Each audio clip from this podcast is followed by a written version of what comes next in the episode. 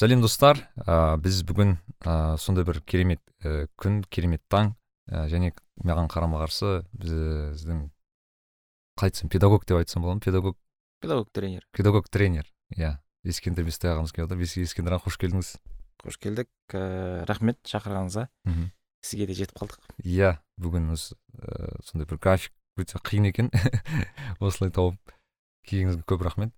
Ә, мен осыны түсінгім келген. Педагог ә, тренер деген кезде өзіңіз солай сезесіз бе өзіңізді жалпы? Или ә, жалпы түсіндірген оңай ма солай ә, түсін түсінгенге оңай сияқты деп ойлаймын. қателесуім мүмкін. Бірақ аудиторияға солай түсініктірек сияқты болып көрінеді де маған. Иә. Енді ол қайдан шықты? Біз өзіміз педагогиканы оқыдық. Одан кейін екі мың он алтыншы жылдардан бері қарай ә, мектептегі болсын университеттегі болсын мұғалімдердің біліктілігін арттыру бойынша курс тренингтер құрастырдық та. Мхм. Яғни сол педагогтарды дайындадық былайша айтқан кезінде. Мхм. Ә, қазіргі заманғы технологияларды қолдануда болсын қазіргі білім берудің әдіс тәсілдерін игеруде болсын мына үйренудің заңдылықтарын меңгеруде болсын. Содан педагог тренер деген шықты. А жалпы былай өзімді не ретінде көремін позиционирование дейді ғой маркетингте мхм. learning expert дейді ғой. Иә. бірақ оны қазақ тіліне аударған кезде ана бір контекст жоғалады иә иә контекст жоғалады соң ыңғайын таппай жүрмін да мысалы үйрену эксперті деген оғаш естіледі иә. Ол қатты ұнамайды мысалы шетелдік мамандармен араласқан кезде көбінесе солай таныстырамын learning expert деп. Мхм. Бұл мүмкін сол learning expert болып қала салу керек сияқты термин ретінде. Мүмкін иә. Басында басында енді а, біз ана гуглда неде майкрософтта оқыған кезде олар бейдж береді ғой. Иә. Олар educator деп береді да. Мхм. басында educator деп көрдік адамдарға қатты түсініксіз да. Educatorды аударса тәрбиеші болып кетеді сонымен ана қатты не қылмайды. learning expert бізде енді ә, қазақ тілді аудиторияда ағылшын тілінің сауаты сондай қатты жоғары емес қой. Иә. Иә мысалы learning экспертті түсіне бермейді деп ойлаймын да. Мхм. содан педагог тренер деген сол бір білім беруге қатысы бар біреу екенін сезім береді ау деген ойдан шыққан ғой қызық негізі қазіргі заманда осы педагог деген сөздің бір енді қызық мағыналары бар ғой мағына дегенде түсінікті айтамын да. Мхм. Мен просто педагог тренер деген сізде бірден бір адамсыз да ма? Мен үшін андай мен шаблонды бұзып жатқан педагог. Мысалы А. өзім анам мұғалім ну былайша айтқанда педагог. Иә бірақ ыыы мысалы жеке даму тағы там психологиялық кейбір заттар немесе бағана үйретуді үйрену үйренуді үйрету деген сияқты сондай заттың бәрін енді үйретіп жатқан адамдар мен мен мен аз білемін просто өз өз басым сондықтан. Ерекше шынымен де ана маркетинговый несі бар сияқты ол жерде. Есіме тамыр ма? Мүмкін иә. Иә. Жалпы сіз ііі мені ше вот ең қатты не істегені мен бір күні ыыы мен жұмысымда бір күні андай курстар болды да әртүрлі. Соның ішінде learning to, learning to learn деген бір курстар болады ғой. соны бастап едім да и кейін барып сондай курс па ну курс па сол туралы жазып жүргеніңізді байқадым. Иә үйрет солай үйретінуді үйрету дедіңіз ғой. Үйренуді үйрену. Үйрену Иә. а үйренуді үйрену. Окей. Солай бастадыңыз. Жалпы қызық та бұл әлемдегі бар зат екен да? Тек қазақ тілінде не емес жалпы Иә, әлемде үйренуді үйрену өте қиын зат деп елестейді екен. Қиын емес енді бір челлендж да енді көбісіне. Өйткені қанша дегенде біз в основном үйренуді бағанағы енді кішкентай кезден бастап бағанағы мектепте оқимыз кейін университетте оқимыз. Кейін че то баяулап қалады сол университеттен кейін мне кажется сол сол сол жағы кішкене. М. біз ана үйрену деген ұғымды кейде түсінбей қалып жататын сияқтымыз енді үйрену шын мәнісінде бізге табиғи бәрімізге берілген. Кішкентай кезімізден бәрін сондай бір түрлі заттарды игергенге құштар боламыз. Бірақ мына үйрену мен білім беру learning мен education екеуі екі түрлі ұғым да. Мхм, ә, біз мысалы мектеп қа- мектепке барған кезде сол табалдырықты аттаған сәттен бастап бізде үйрену өше бастайтын сияқты. Неге? Үйрену өше бастайды да оның орны жаңағы білім берумен алмаса бастайды да. Яғни білім үйрену мен білім алу ол екі түрлі ұғым ба? Иә білім беру көбінесе жаңағы ә, бір күрделі ұғымдарды жаттау сияқты да баға үшін. Иә. Ә, ол жерде бір не жоқ құштарлық жоқ оның бір қолданысы жоқ сол осы, осы жағы ақсай бастайды да. Мысалға сухомлинский деген педагог мынандай бір сөз бар да баланың табиғи құштарлығын біліммен тойдырмайықшы дейді да. Мхм. Яғни бала мектепке келген кезде ол кісі мынаны айтады балалар мектепке келген кезде көздері сондай бір жанып келеді иә. бірақ кейде апта кейде ай өткеннен көздегі от жоқ дейді. Сол ана білімнің сауатсыз берілгендігінен баланың үйрену қабілетін өлтіріп тастап жатыр. Иә білім керек емес демеймін керек бірақ ол үйренуге нұқсан келтіріп жүргізілмеу керек та. Үйренуді керісінше жандандыратындай соның бір отыны болатындай болып берілсе білім беру онда адам сол бір өмір бойы құштарлығына lifelong learning сақталатын еді да. Та- тал бесіктен көр бесікке дейін білім ал деген әңгіме үйрен деген әңгімесі осы жерде ашылады деп ойлаймын. Қазір мысалы ересектерді көреміз ғой жиырма бір плюс немесе сол қызметте жүрген мұғалімдерді болсын басқа мамандарды. Үйрену қабілеті сол мектепке дейінгі кезеңмен қалып қойған болуы мүмкін да иә. Енді бұл тақырыпқа біз өзіміз қалай келдік соны бір қысқаша иә айтайық. иә екі мың он бес екі мың он алтыншы жылдары осы тақырып бір андай ерекше қызық бола бастады. Оның алдында ыыы мынандай бір ситуация болды. Ыыы мгу да мбаде оқып жүрмін. Сосын бізде андай триместрмен оқимыз да. Қателеспесем үшінші триместрге өткен кезде бізге бір курс берді. Селектив курс дейді ғой. Таңдаулы өзің білесің оқысаң болады оқымасаң болады. Сосын мен ананы ашып тақырыбы бәрі сондай тартымды маған ұнап тұр. Оқиын десем бір құштарлық таппаймын да ананы компьютерді ашып алғанмын отырмын бірақ оқи алмаймын. Иә. Және түсіне алмаймын неге маған не болып қалды мен не үшін оқи алмай отырмын деп иә. былайша. ішкі жігер таппай жатырмын да ана оқуға. Мхм. сөйтіп кураторға жазамын мен мына курсты оқысам не болады деймін ғой. Ештеңке дейді да. Оқымасам не болады деймін ештеңке дейді да.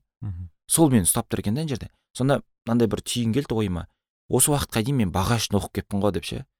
Мен өз өзімді бүйтіп қамшылайтынмын мгу да қазақтардың атына ұят келмесін жаңағы кіріп келмесін деп Иә, өз иә. өзімше. Сонда баға үшін оқып жүргенімді университетте болсын мектепте болсын сол баға ғана мені былайша айтқан кезде қамшы не тоқаш болып жетелеп келе жатқандығын сезіндім да сонда өз бетімен ешқандай сыртқы факторсыз бір затты тұтына алу осы екен да үйрену өз бетімен иә былайша иә айтқанда өз отырып. бетімен сыртқы фактордан тәуелсіз.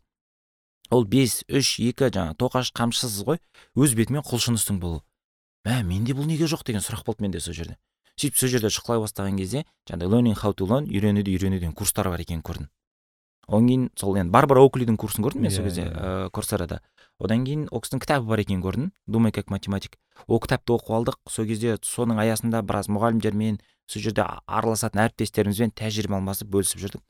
Қызық екі мың он жетінші жылы біз онлайн білім беруге зейін қоя бастадық та бір жобаның аясында.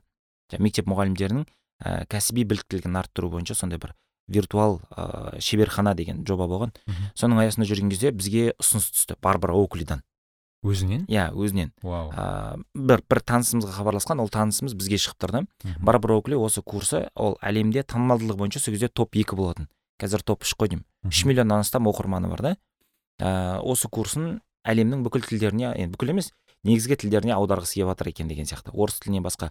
Соны қазақ тіліне де аударамын деп шешіпті қазақ тілінде аударатын команда іздеп жатыр деп. Мгм. Сіздер аласыздар ма деп ұсыныс түсті біз ана қуана қарсы алдық. Ананы ыыы екі аптаның ішінде ма түгел қазақ тіліне бейімдеп аударып сол он алты сабағын шығардық.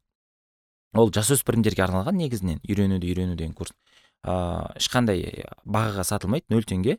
Ә, барша оқушыларға мұғалімдерге немесе ата аналарға қолжетімді болсын деген оймен істелінді да. Ә, содан кейін мен мысалы кері байланыс аламын ғой сол курс бойынша. Сол кезде ересектердің өзі андай тамсанып жатады да мә мен бүйтіп бір отырғаннан бүйтіп бір курсты оқып салмағанмын соңына дейін бүйтіп жеткізбегенмін сондай бір жайлы екен ұтымды екен жаңағы өзінше бір. Қалай бастады солай аяқтап салғанын байқамай қалады ғой адамдар. Ә, және мысалдарының ана қарапайым ба бір сол теңеулерінің дөп түскендерін байқаймыз да. Мысалы нейрон деп жатқан сияқты бір ми құрылымын қарапайымдау тілде түсіндіреді. Иә сон- ешқашан ойламағанбыз өйтіп барбара оуклимен ондай бір ол кісінің курсын қазақ тіліне бейімдейміз деп. Ол кісімен в основном онлайн не болды сіздерде? Иә негізі сол кезде бізде онлайн болды ол кісі хат жазып жұмыстарымызды мен несіне өте таң қалдым өнімділігіне ә, мысалға мынандай болуы мүмкін көрші кабинетте отырған кісіге хат жазсаңыз апта бойы жауап алмауыңыз мүмкін да иә. ана кісіге жиырма отыз минуттың ішінде жауап аласыз да ол кісі қайда жүрген болса да. Ол кісі лекциялармен түрлі елде жүруі мүмкін бірақ жиырма отыз минуттың ішінде жауап аласыз да ол кісіден. Сондай бір өте белсенді кісі екен. Кейін 2019 жылы қателеспесем ол кісі алматыға келді. Ә, сол сол жалпы курсты ұйымдастырған компаниялар сол кісіні шақырып осы жерде келіп сол курсты қалай құрастырғаны бойынша тәжірибе бөлісті. Ыыы сол кезде кіта- кітабына қолтаңбасын қойып алдық дегендей Иә. жүзбе жүз көрістік сол кезде бір ақ рет алматыға келген мен э, сатып алдым кітабын. Думай как математика әлі оқымадым. Бірақ- иә жоқ көп көп сондай бір жа- жақсы не естимін пікір естимін жалпы ол кітап туралы жалпы принцип негізі қысқаша ескендір аға вот бола ма? Бір екі принциптерін олардың барбара оуклидің негізі та- негізгі тапқан та- ой тапқан дегенде үйретіп жүрген басты басты принциптер. Енді ол кісіде бір нақты андай принцип қағида дейтін жоқ. Мгм. бір негізгі ережелері бар. Мгм. біріншісі ол жаңағы мидың ойланудың екі режимі бар дейді. Зейінді режим және зейінсіз режим. Жаңағы ы, не деп аударатын еді ол кісі? Фокус деп па или? Иә фокус мод диффюз мод деп екі неге қояды? Екі атау береді да екі түрлі ойлану режимі бар деп. Ә, біз оны зейінді режим зейінсіз режим деп алдық. Зейінді режим өзі аты айтып тұрғандай біз бір есеп шығарып жатқан кезде бір күрделі сұраққа жауап іздеп жатқан кезде қабағымыздың түйіліп кетіп бір сондай ыыы фокуста отыратын күйіміз иә кіріп кететін кезіміз. А зейінсіз деген аты айтып тұрғандай сондай бір босаңсып енжарлау отқан кезіміз ғой сондай бір қатты бір ештеңке ойламайтын кез. Ойдың бәрі басқа жаққа бір еркін жүретін кез да. Ә, осы екі режимді өзара алмастыра алу өте маңызды дейді. Осылардың арасында үзіліс жасау ғой. Және осыны біз қанша сауатты ұйымдастырып үйренеміз зейінді деген зейінсіз режимді сол кезде біз үйрену қабілетін шыңдаймыз дейді. Негізгісі осы. Бізде проблема қандай? Проблема біз осы зейінді режим мен зейінсіз режимнің арасын ә, басқара алмаймыз. Басым көпшілік жағдайда көп адам зейіндіде жүр- жүреді. Ол зейіндіні екінші бір зейінді әрекетпен ғана ауыстырады да. Арасына үзіліс жасамайды. Негізі зейінді болу да энергияны алады ғой біраз иә? Өте көп энергияны алады. Ол кәдімгідей мидың тұрғысынан алатын болсақ мида ең көп энергияны алатын дәл сол зейінді режим да. Біз соған көп күш жұмсап адам да қоямыз. шаршап қалатын шығар иә кәдімгідей шаршаймыз. Және мына адамның ыыы сол күй сүй- күйі стресске түсуі сол зейінді режимнен шыға алмауы деп ойлаймын да бірден бір себептердің бірі. А екінші бір адамдар болуы мүмкін олар 24 сағат жаңағы зейінсіз күйде жүретін. Керісінше не қылмайтын бір отырып терең ойланбайтын. Иә иә. Бұл жерде сол өнер екеуін алмастыра алуда дейді да. Мынандай бір ыыы не сияқты ғой? Екі түрлі шам сияқты ғой бұл жанатын біреуі мысалы бір фокусты жанады нақты бір детальға. Екіншісі былай жалпы жанады деген сияқты. Ә, көптеген мысалдар келтіреді ол кісі сол кітабында. Ә, архимед гидростатика заңын ашқан кезінде тура осы зейінді режим мен зейінсіз режимнің арасында алмасуында шықты. Зейінсіз режимнің бүкіл сиқыры осы жерінде да біз зейінді режимде бір ұзақ уақыт күш жұмсап бір затты ойланамыз. Зейінсіз режимге өткен кезде ми ана кезеңдегі зейінді режимдегі ақпаратты қорытады да жаңалық ашып береді дейді. А түсіндім. Яғни біз зейінді режимде қатты терең ойланамыз бірақ несін ағылшынша айтқанда ауткам дейді ғой солай Иә. шығатын. Жемісін же- жемісін біз зейінсіз зейінсіз режимде режимде көреміз. иә сол жерге барған кезде ішінде мынандай жаттығулар бар. Сіз кәдімгі зейінде отырып ойланасыз жауабын таппайсыз зейінсізге өткен кезде ғана табасыз да. А осыны өтіп үйрену үшін жасалған жаттығулар ғой. қалай өтеді шамамен? Айтпаймын ғой ол мысалға қарапайым тұрғыда үзілістер жасау. Тұрып қозғалу физикалық жаттығулар жасау әдетте помодоро техникасын ұсынады. Яғни жиырма бес он бес иә жиырма бес бес жиырма бес бес содан кейін жаңағы үлкен қоңырауында он бес деген сияқты. Сол кезде мысалы адам жиырма бес минут фокус уақытқа беріп кейін зейінсіз режимге ауысқан кезде ана жердегі болып жатқан құбылысқа бір сырттан қарағандай әсер алады да жаңалықтар аша бастайды. Жаңағы архимедтің мысалы оған келтіретін ньютонның мысалы жаңағы ағаштың түбіне барып басына алма түскен кезде жаңағы тартылыс заңын ашты деген сияқты. Менделеевтің ұйықтаған кезіндегісі. Бірақ біз кезінде мектепте осыны оқыған кезде осы ақпаратты бір жақты қабылдағанбызда менделеев ұйықтап жатып жаңалық ашты. Иә яғни ұйықтасам жаңалық ашады екен деген иә иә сондай бір мағына а бірақ соның алдында менделеев мысалға ә, деректер бойынша төрт бес күн ұйықтамай жұмыс істеген екен да. Яғни зейінді режимде болған әбден шалдыққан кезінде зейінсіз режимге өтіп кеткен да. Тура сол сияқты кім жаңағы ньютонның карантин кезінде неше апта бойы жұмыс істеген еңбегі ана жерге барып демалған кезінде деген сияқты әңгімесі ғой. Иә иә. Бұлар енді ә, саналы түрде ұйымдастырмаған осы бір зейінді зейінсізге ауысуды. Табиғи болып кеткен. Одан бөлек андай мысалдарды келтіреді? Ньют так, эдисонды келтіреді және сальвадор далиді келеді олар керісінше түрлі бір жаттығулармен зейіндіден зейінсізге ауысуға тырысқан екен да. Ә, бүкіл зат осы жерде мен мына бір қызық оқиға айтып берейін. Ауылда жүрміз. Иә. ә, алма жинап жүргенбіз. Оның алдында сонда бірнеше күн бұрын сол ньютонның оқиғасын ертегі қылып айтқанбыз балалармен. Сөйтіп алма түсті да талдан. Жаңағы ортаншы ұлымыздың басына түсті аха. топ етіп ол бүйтіп қатып тұрып қалған. Сосын енді ауырып қалды екен деп жаңағы не болып қалды? деп сұрап жатсақ тоқтаңыз тоқтаңыз мен қазір жаңалық ашамын дейді да сонда ана күліп жатырмын да шын мәнісінде егер енді талайымыздың басына талай зат құлап жүр бірақ мына зейінді режим болмағандықтан оның алдында зейінсіз режимде бізге ештеңке көмектесіп жатқан жоқ та. Мм. ол жерде сол сол сол моменттер маңызды негізі. Яғни бірінші сол басты не қағидалардың бірі ол Иә. бағана зейінді режимнен зейінсізге өте білу бірінші қай әрекетім менің зейінді екенін қай әрекетім зейінсіз екенін түсіну түйсіну соны алмастырып үйрену сауатты түрде. Мм, режим осы жерде ә, үзіліс жасай алу ғой қарапайым тілде айтатын болсақ. Зейінсіз режим деген ол үзіліс жасай алу. Егер бір үзілісті дұрыс ұйымдастыра алатын болсақ онда бүкіл үйренудің мәні өнері сол жерде жатыр да. А біз сол үзілісті жасай алмаймыз ғой. Үзілістің өзінде де басқа затты ойлап отыруы мүмкін да адамдар. Екінші ойымша кейде ше мысалы үзілісті де дұрыс пайдаланбайды деген кезде мысалы адамдар инстаграм ашып жібереді ғой мысалы. Иә иә ол наоборот зейінді қайтадан алады. Иә екінші зейінді әрекет та ол. Негізі көбісін айту керек мне кажется осы жерде. Негізі телефонды ашып қарау ол кәдімгідей зейінді алатын менің ойымша енді зейінсіз әрекетте сол кітапта келтірілетін мысалдар жаттығуларды айтатын болсақ ол жүру кәдімгідей. Мүмкіндігінше ойды еркін жіберіп жай ғана жүріп шығу. Иә, иә. дене қозғалу керек та сіздің энергияңыз сол жаққа кету керек ой әрекетінен ал- алшақтау керексіз немесе бір физикалық жаңағы отырып тұру сияқты жаттығулар жасау. Одан кейін тағы қандай жаттығулар ұсыну мүмкін ә, жүзу немесе жаңағыдай велосипед тебу деген сияқты. Ә, оның яғни бір физикалық жаттығулар жасау керек Иә, иә. бір жаңағы несіне ә, бұл енді біз қанша уақыт зейінді де отыра алатынымызға байланысты ғой. Егер мен ойымды шашыратпай фокусымды шашыратпай жиырма бес минут отыра алатын болсам менде зейінсізге бес ақ минут уақыт бар. Енді ол кезде қатты көп әрекет істеп үлгермейсіз де жүріп үлгеруіңіз мүмкін. Иә. А егер сіз 90 минут отыра алатын болсаңыз зейіндік күйде онда сізде 30 минут уақыт бар да. Сол кезде жаңағы велосипедін немесе жүгіруін істеп үлгеруге болады да. Қызық негізі өйткені мен өз басым мысалы велосипедті жақсы көремін да. И мысалы жұмыс істеп күні бойы жұмыс істей аламын отырып анағы мүмкін зейінді режимде де. Бірақ сол велосипедке отырып далаға шыққан кезде күні бойы жұмыс істегендегі бір блин мынау былай істей салу керек еді ғой деген сияқты сондай бір идеялар келе бастайды да саған уже ситуацияға сыртынан қарап үйренеді иә иә или мысалы машинада айтып бара жатқан кезде деген сияқты немесе қызық қой негізі қазір соңғы бір кісімен сөйлескен кезде айтады да анау адамға ыыы тың идея мықты идеялар екі жерде келеді дейді да в основном ол душта және машинада деп айтады дейді да. Сол бәрі зейінсіз күй ғой зейінсіз күйде яғни адам сен, сен машинада фокус жасай алмайсың яғни сен жолға қарап отырасың. Толық толық келісеміз. Бірақ алдында зейінді режимің болуы шарт та иә олсыз Иә. болмайды. иә. Егер мен зейінді күйде болмай яғни мысалы ана душқа кірген кезде идеясы болған кісі ол оғанға дейін сол кәдімгі когнитивті салмақ түсірген ғой миына. Ол салмақ болмаған болса душқа қанша кірсең де болмайды да ол. Бүкіл өнер осы жерде сияқты. Негізі кітапта берілетін идея да осы. Иә. одан бөлек жаңағы ми байланыстары деп деген ұғым бар. Ол қалай қалыптасады? Жад есте сақтау қабілеті қалай жұмыс істейді? Жалпы үйренуді мынандай әрекетке бөлетін болсақ үш ақ әрекет қой. Иә. Ақпаратты қабылдай алу сақтай алу және қайта жаңғырта алу. Болды. осы үш әрекет істей алса адамның үйрену қабілеті жақсы да? Ал дәл осы үйрену қабілетінің әлсіздігінен мынандай болуы мүмкін адам өте білімді болуы мүмкін. Яғни көптеген ақпаратты біледі немесе дүниетанымы кең.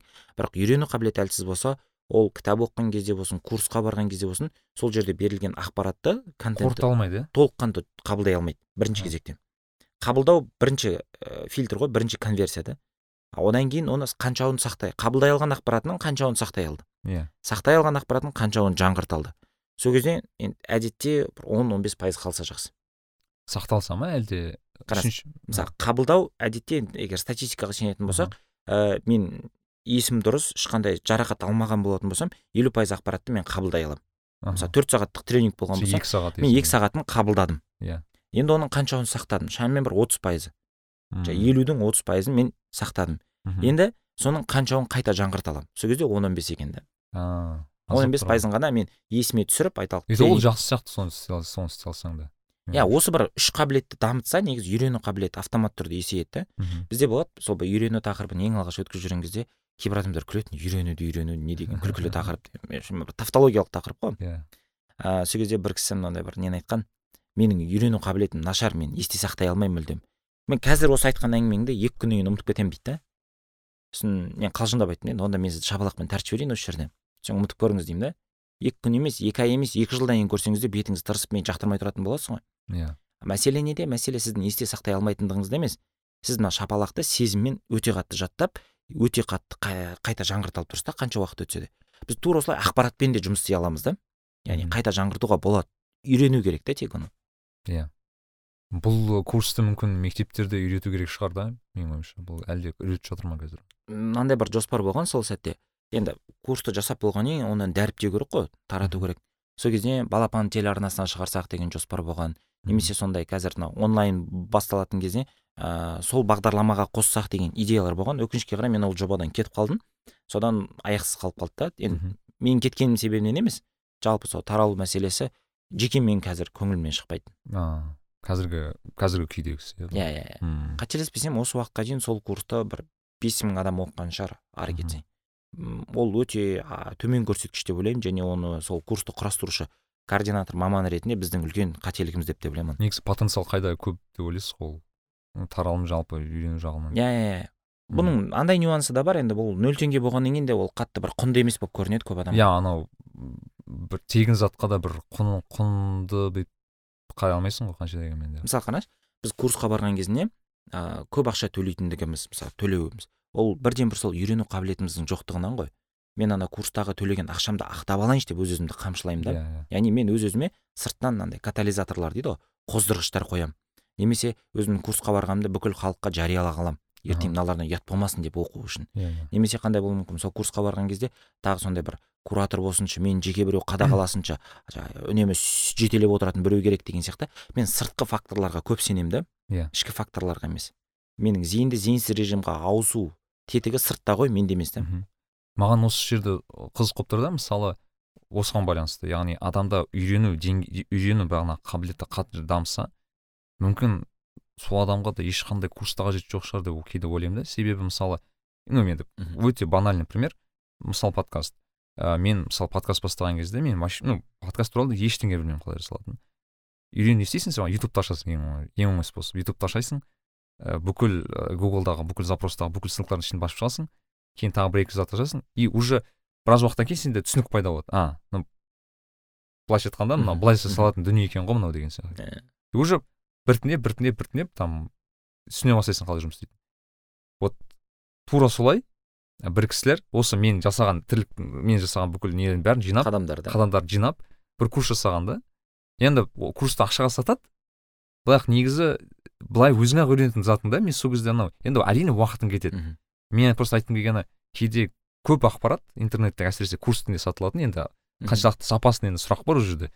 Яғни көп ә, сондай курстар негізінде бүйтіп адам өзі зейінін толып бүйтіп дұрыс оқи алса ізден, іздене алса табатын ақ дүние ау деп кейде ойлаймын бірақ қаншалықты- келісемін толық келісемін егер біздің үйрену қараңыз қазіргі біздің нарықта бар өнімдердің бәрі үйрену қабілеті бар кісілерден шыққан.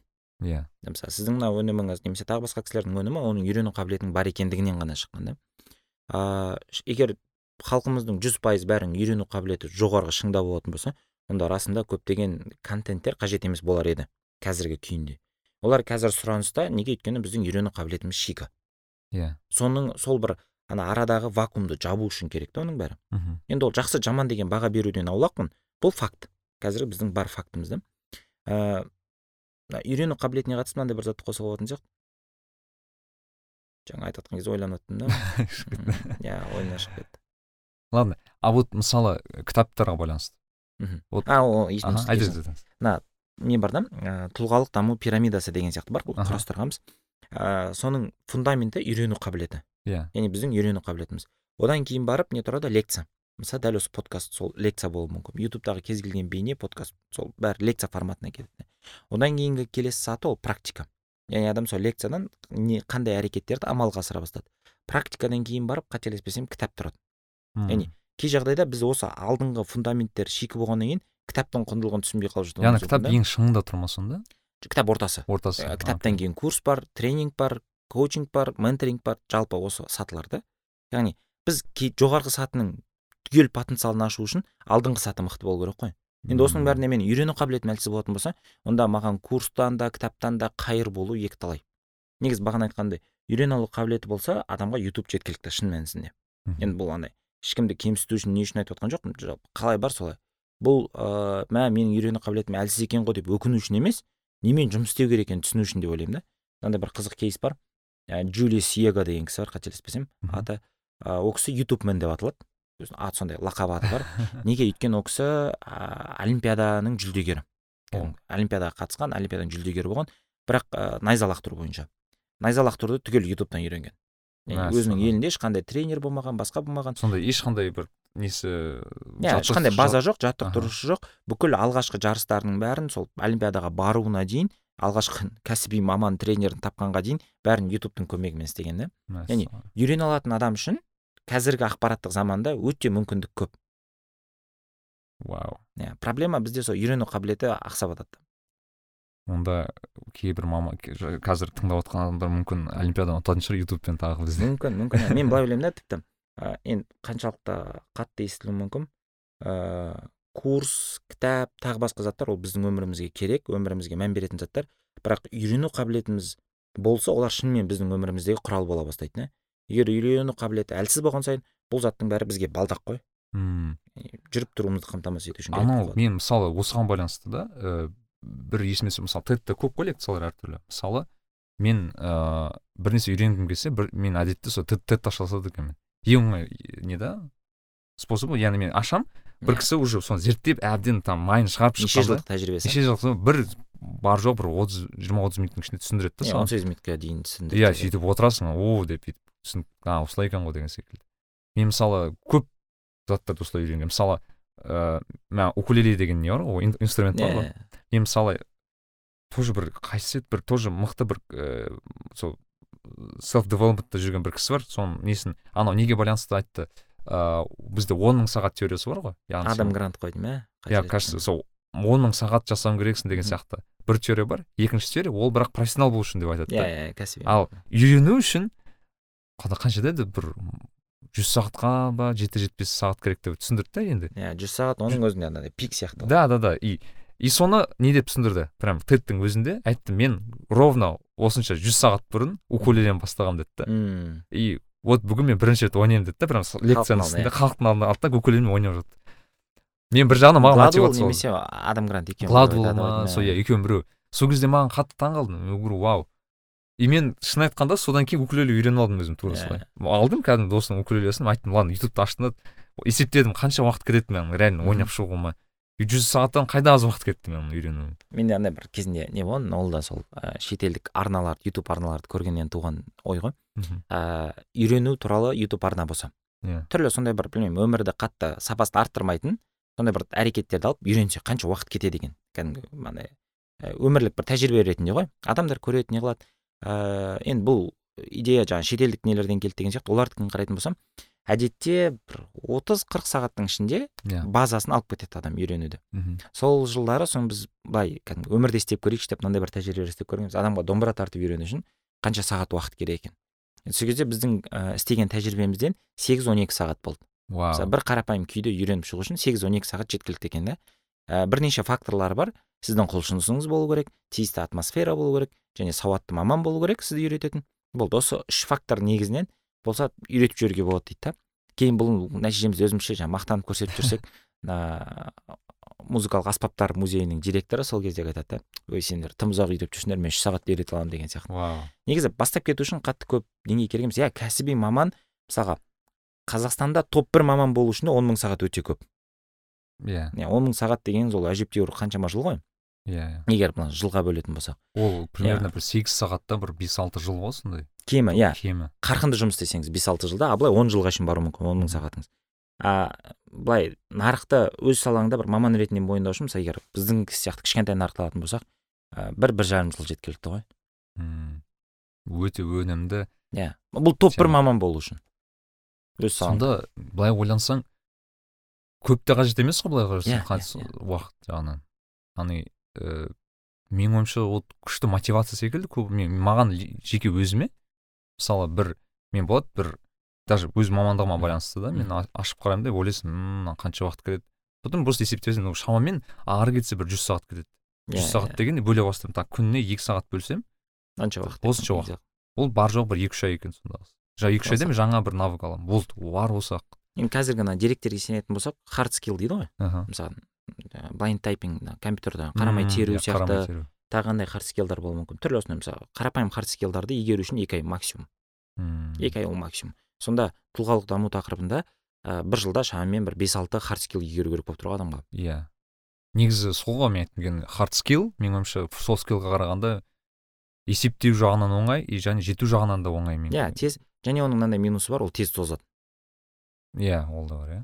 Уақыттың Қолданбасы уақыттың зам жоқ ол жағынан емес уақыттың талабына қарай өзексіз болып қалуы мүмкін. Мм, мхм. мысалы м, садақ атып үйрену ол хард скилл иә. Бірақ қазіргі қазір ол қаншалықты өзекті иә. мүмкін тапанша керек шығар. Тура сол сияқты хард скиллда андай қатты бір мәні болмауы мүмкін да. Иә иә иә күшті. Мен осыған байланысты кітап демекші. Ыыы жалпы сіз бағана айттыңыз ғой кітап шамамен бағана пирамиданың шамамен ортасында яғни ол мен не түсініп отырмын бұл жерден яғни сенің үйрену қабілетің төмен болса сен кітапты түсінуде қабілетің шамамен ол кезде біз кітап емес әріп оқимыз ғой. әріп оқимыз. Иә бағана бөлек сөздерді бүйтіп былайша айтқанда болады ғой ағылшын кітаптарды оқисың да сөздерді аударып кетесің ғой бүйтіп текстті оқымайсың. Ана с- не бар еді ғой? Енді жиырмасыншы ғасырда көбінесе сауаттылықты есептеді ғой. Сауаттылыққа қарады. Ол не деген сөз? әріп тану жаңағы Иә. аны бұдан ажырата алу. А қазіргі заманда жиырма бірінші ғасырда ол функционалдық сауаттылық деген шықты ғой. Яғни сол әріптен құралатын сөз сол сөзден құралатын сөйлемнің мағынасын мәнін түсіну. А өкінішке қарай ол көбімізде жоқ қой. Мысалға абай жолын оқитын болсақ ол не меңзеді не айтты. Қаншауымыз түсінеміз да. Яғни әріп тура сол әріп. Әдетте біз көріп тұрған твиттерден ютубтан көріп жүрген әріптер. Бірақ одан құрастырылған мәнді түсінбей қалып жатырмыз да. Иә логика бүйтіп байланыстыра алмайсың ғой иә иә осы функционалдық сауаттылық та. Иә иә. А кітапта тура солай. Егер бізде тиісті тәжірибе болмаған болатын болса кез келген кітап ашылмайды. Онда біз ол кітаптың ішіндегі бар мазмұнның бір он бес жиырма пайызын. Ә, былай ғой. Менің осыған дейінгі тәжірибем қандай мен кітаптан соны ғана ала аламын ғой. Егер иә. мындай қарапайым тұрмыстық мысал әрі үйлен, әлі үйленбеген жігіт болатын болса мен ғой. мысалы ә, әйел адамның табиғатын оның психологиясының ерекшеліктерімен практикада таныспаған кісі болатын болса оған отбасында бақытты өмір сүру немесе қарым қатынас тақырыбында кітап беретін болса ол сізге жай ғана кітап болады. Сіз оны оқып шығуыңыз мүмкін зырлатып мұқабасына мұқаба дейін. Бірақ ә, кітап ашылмайды да сізге. Ал егер сіз үйленгеннен кейін бір алты айлық жаңағы сынақтан өткеннен кейін ана кітапты оқысаңыз ана кітап сізге мүлдем басқа қырынан ашылатын болады да. Иә иә. Тура солай бизнесқа қатысты кітап болатын болса сіз бизнес ашып сол еңбекақы төлей алмай жал төлей алмай сондай бір сынақтардан өткеннен кейін бизнес туралы кітап оқысаңыз сізге анау кәдімгі құйылады ғой ішіңізге. В общем қажеттілікті сезінген иә, кезде иә, аласың оқысаң мен кез келген кітапты оқуға барған кезде мынандай бір өзімнің қадамдарым бар да мысалы жаңағы сіздікі сияқты бірінші тед көруге тұрсам кез келген автордың теді бар негізі. Иә. егер ол шетелдік әдебиет болатын болса. Соның бірінші тед лекциясын көріп сол тед лекциясынан істеуге болатын бір екі амал алып көруге тырысамын. Сосын сол амалын кемі бір апта істеп көремін өзіме. Мхм. байқаймын жұмыс істеді ма жұмыс істемеді ма жұмыс істеген жағдайда оның кітабын іздей бастаймын да. Содан кейін барып былайша айтқанда кітапқа кіру бірнеше сатыдан кейін болып жатады да. Сол сол практикадан кейін барып ана кітап кәдімгідей ашылады әсерлі бола бастайды. Иә. Мен негізі мынандай бір лайфхак кейде болады. Мысалы мен ыыы мен ағылшынша оқимын ғой көбінесе. Мысалы бір шетелдік авторды көремін. Бір кітабын көремін ойлаймын мына қызық екен мына кітап. Мен жақында вот пример келтіремін инвестицияға байланысты. Мен бір инвестициямен қызыға бастадым. Әртүрлі там стратегиялар тағы басқа. И ыыы буквально мен нені аштым? Ыыы ютубты аштым. Бір google толкс деген болады ғой андай өздерінің. Иә оларда да шақырады ғой. Сол google толксқа бір сол кісіні көрдім лекциясын. Яғни мен бірінші адамның өзін көрдім да потом көріп жатып мен түсіндім ол адам кітап жазған екен оказывается. Мм. И адамдар ана лекцияның үстінде кітап жайлы сұрап жатыр да оны. А мен оның кітабын вообще мүлдем естімегенмін көрмегенмін бірақ лекциясын көргенмін и потом ол басқа подкасттарға шыққан екен. В общем ана бір апта ана кісінің тек подкасттары мен ютубтарын қарап шықтым. Кейін барып кітабын алдым да иә. И уже кітабын оқимын у шамамен бір жетпіс сексен пайызын айтып шықты да мен Иә. кейін байқасам. Яғни мен айтқым келгені кей, кейде болады бір авторды үйренгің келеді. Негізі вот ютубта бір бір екі күн бөліңізші сол кісіге мен ойлаймын да соны бізге сол ана кітап оқудан автор оқуға ауысу керек та. Иә иә. Автормен танысып келіп кітапқа келесіз. Бұны енді ғылыми тұрғыдан айтқан кезде ана шаталов деген ғалымның мынандай ұғымы бар интеллектуалды фон дейді да. Егер біз кез келген тақырыпқа кірген кезде сол тақырыпқа қатысты бізде фон болмаса ол тақырып ә, біздің өмірімізге әсерлі бола алмайды бола алмайды. Сол бір фоны болып болатын болса одан кейін барып сіз ана кітапты оқысаңыз мүлдем басқа әсер аласыз ғой. Иә мен ә, мысалы шамамен екі мың қателеспесем он алтыншы жылы мен данияр жігітбек айтпақшы екеуміз бір ә, скорочтение өткенбіз мхм ә, курсын. Сол кезде енді біз ойлаймыз скорочтение деген ол тез зурлатып оқу туралы екен деп. Сөйтсем ә, ол бір мәселе екен да. И мүлдем басқа мәселе ол сен кітапты қорыта алу мхм соны үйретті да. И өте қызық техникалар бар екен. Мысалы там мұқ- ә, бағанағы сіз айтпақшы ол не дейді? Ютубты қара дейді. Иә. Просто авторды оқисың ол ол кісілер не жазады? Мысалы бір тақырып болса википедияны оқып шық дейді. Мхм. А, тағы бір екі там хабр хабр немесе висирудан нелерді оқып шық мақалалар мақалаларды. оқып шық. Ә, потом кітаптың өзін алсаң ә, кітаптың а, там мұқабасын оқ- оқып қара не туралы жазылған ашасың предисловиясын оқы там и мынандай еще мәселе бар ол ана скаминг дейді ғой. Тез тез тез тез Иә. тез не істейсің? Ііі точнее Парақтап скиминг деп па? Иә парақтап шығасың тез тез иә сканинг бар скиминг бар иә скиминг бар сканинг бар сам тез тез тез қарап шығасың ана бір жир өйткені айтады да андай теория бойынша жирный текстпен жазылған зат ол негізгі идея жирныймен жазылады Иә. көрінеді саған. И соңында уже ана бағанағы сен ақтап шыққаннан кейін примерно идея пайда болады мынау не кітап не, не бар бұл кітапта не жоқ бұл Иә. кітапта. қандай яғни сұраққа жауап бере алады иә қандай менің іздеп жүрген сұрағым бар ма бұл жерде деген секілді. Яғни ана айтады да мысалы кейде болады мысалы кітапты оқисың и анау оқып шыққаннан кейін сен ештеңке есіңде жоқ та не туралы оқығаның. Оны былай түсіндіреді да мысалы анау бір э, не болады киім ілетін ілгектер болады дейді да сен киімді лақтырасың ілгек болмаса лақтырылмайды дейді да ол Иә. түсіп қала береді. Ал бағанағы біз бағанағы сканинг скиминг жасап оқып шыққанбыз ол бағана ілгектерді іліп шығамыз да. И кейін оқу барысында біз сол бағана бағана ілгекті іліп алып кете алады дейді да ол информацияны яғни. Өте өте дұрыс. Ана және осы бір процессті менің ойымша жаңағыдай парақтап жатқан кезең деп айтайықшы сканинг бар скиминг бар. Кітап оқу деп атамау керек сияқты менің ойымша. Өйткені сіз кітаппен танысып жатсыз да әлі. Мхм. Ә, мен бұл кезеңді кітап оқу деп атамаймын да. Бұл танысу кезең. Одан кейін отырып кәдімгі парақтап жазып түртіп қарындашпен оқу осы оқу сияқты да кітап. Сосын жаңағы барбара оклида да бар осы техника шаңсорғыш деп аталады принципі. Біздің миымыз шаңсорғыш дейді да. Соның принципімен жұмыс істейді. Бірақ шаңсорғыш тек шаң соратын болса біздің миымыз кез келген бапталған тақырыпты сора алады бірақ сен алдын ала соған дайындау керексің дейді да өзіңді. Сен не керек мысалы сол кітаптан болсын курстан болсын тренингтен болсын маған осы керек деп барсаң сол сорылады деген сияқты. И мынандай ең өмірде кездесетін мысал ә, сіз көшеде жүруіңіз мүмкін қаншама көлік көресіз бірақ байқамайсыз. бір көлік сатып алдыңыз айталық қандай бір ерекше көлік болуы мүмкін бір. Мерседес жүз тоқсан менің бір танысымда болған ситуация да. Иә. алматыда мерседес жүз тоқсан көбейеді да. Немесе осы жақында бір кісі ә, авалон алады алматыда авалон көп екен ғой деген сияқты. Ол бұрын да көрген бірақ оған мән бермеген ғой. Миы оны маңызды емес деп санап өшіре берген да. Мхм. А мына бір тәжірибеден кейін миы оған фокус қоя бастады жаңағы. Сіз айтқан ілмектерден кейін. Кітапта да тура солай да. Егер сіз жаңағыдай ілмек жасамасаңыз миыңызды баптамасаңыз ол кез келген ақпаратты жаңағыдай өткізе береді шум сияқты. Қылып Мм. осы шу болмас үшін жаңағы ілмектер керек та.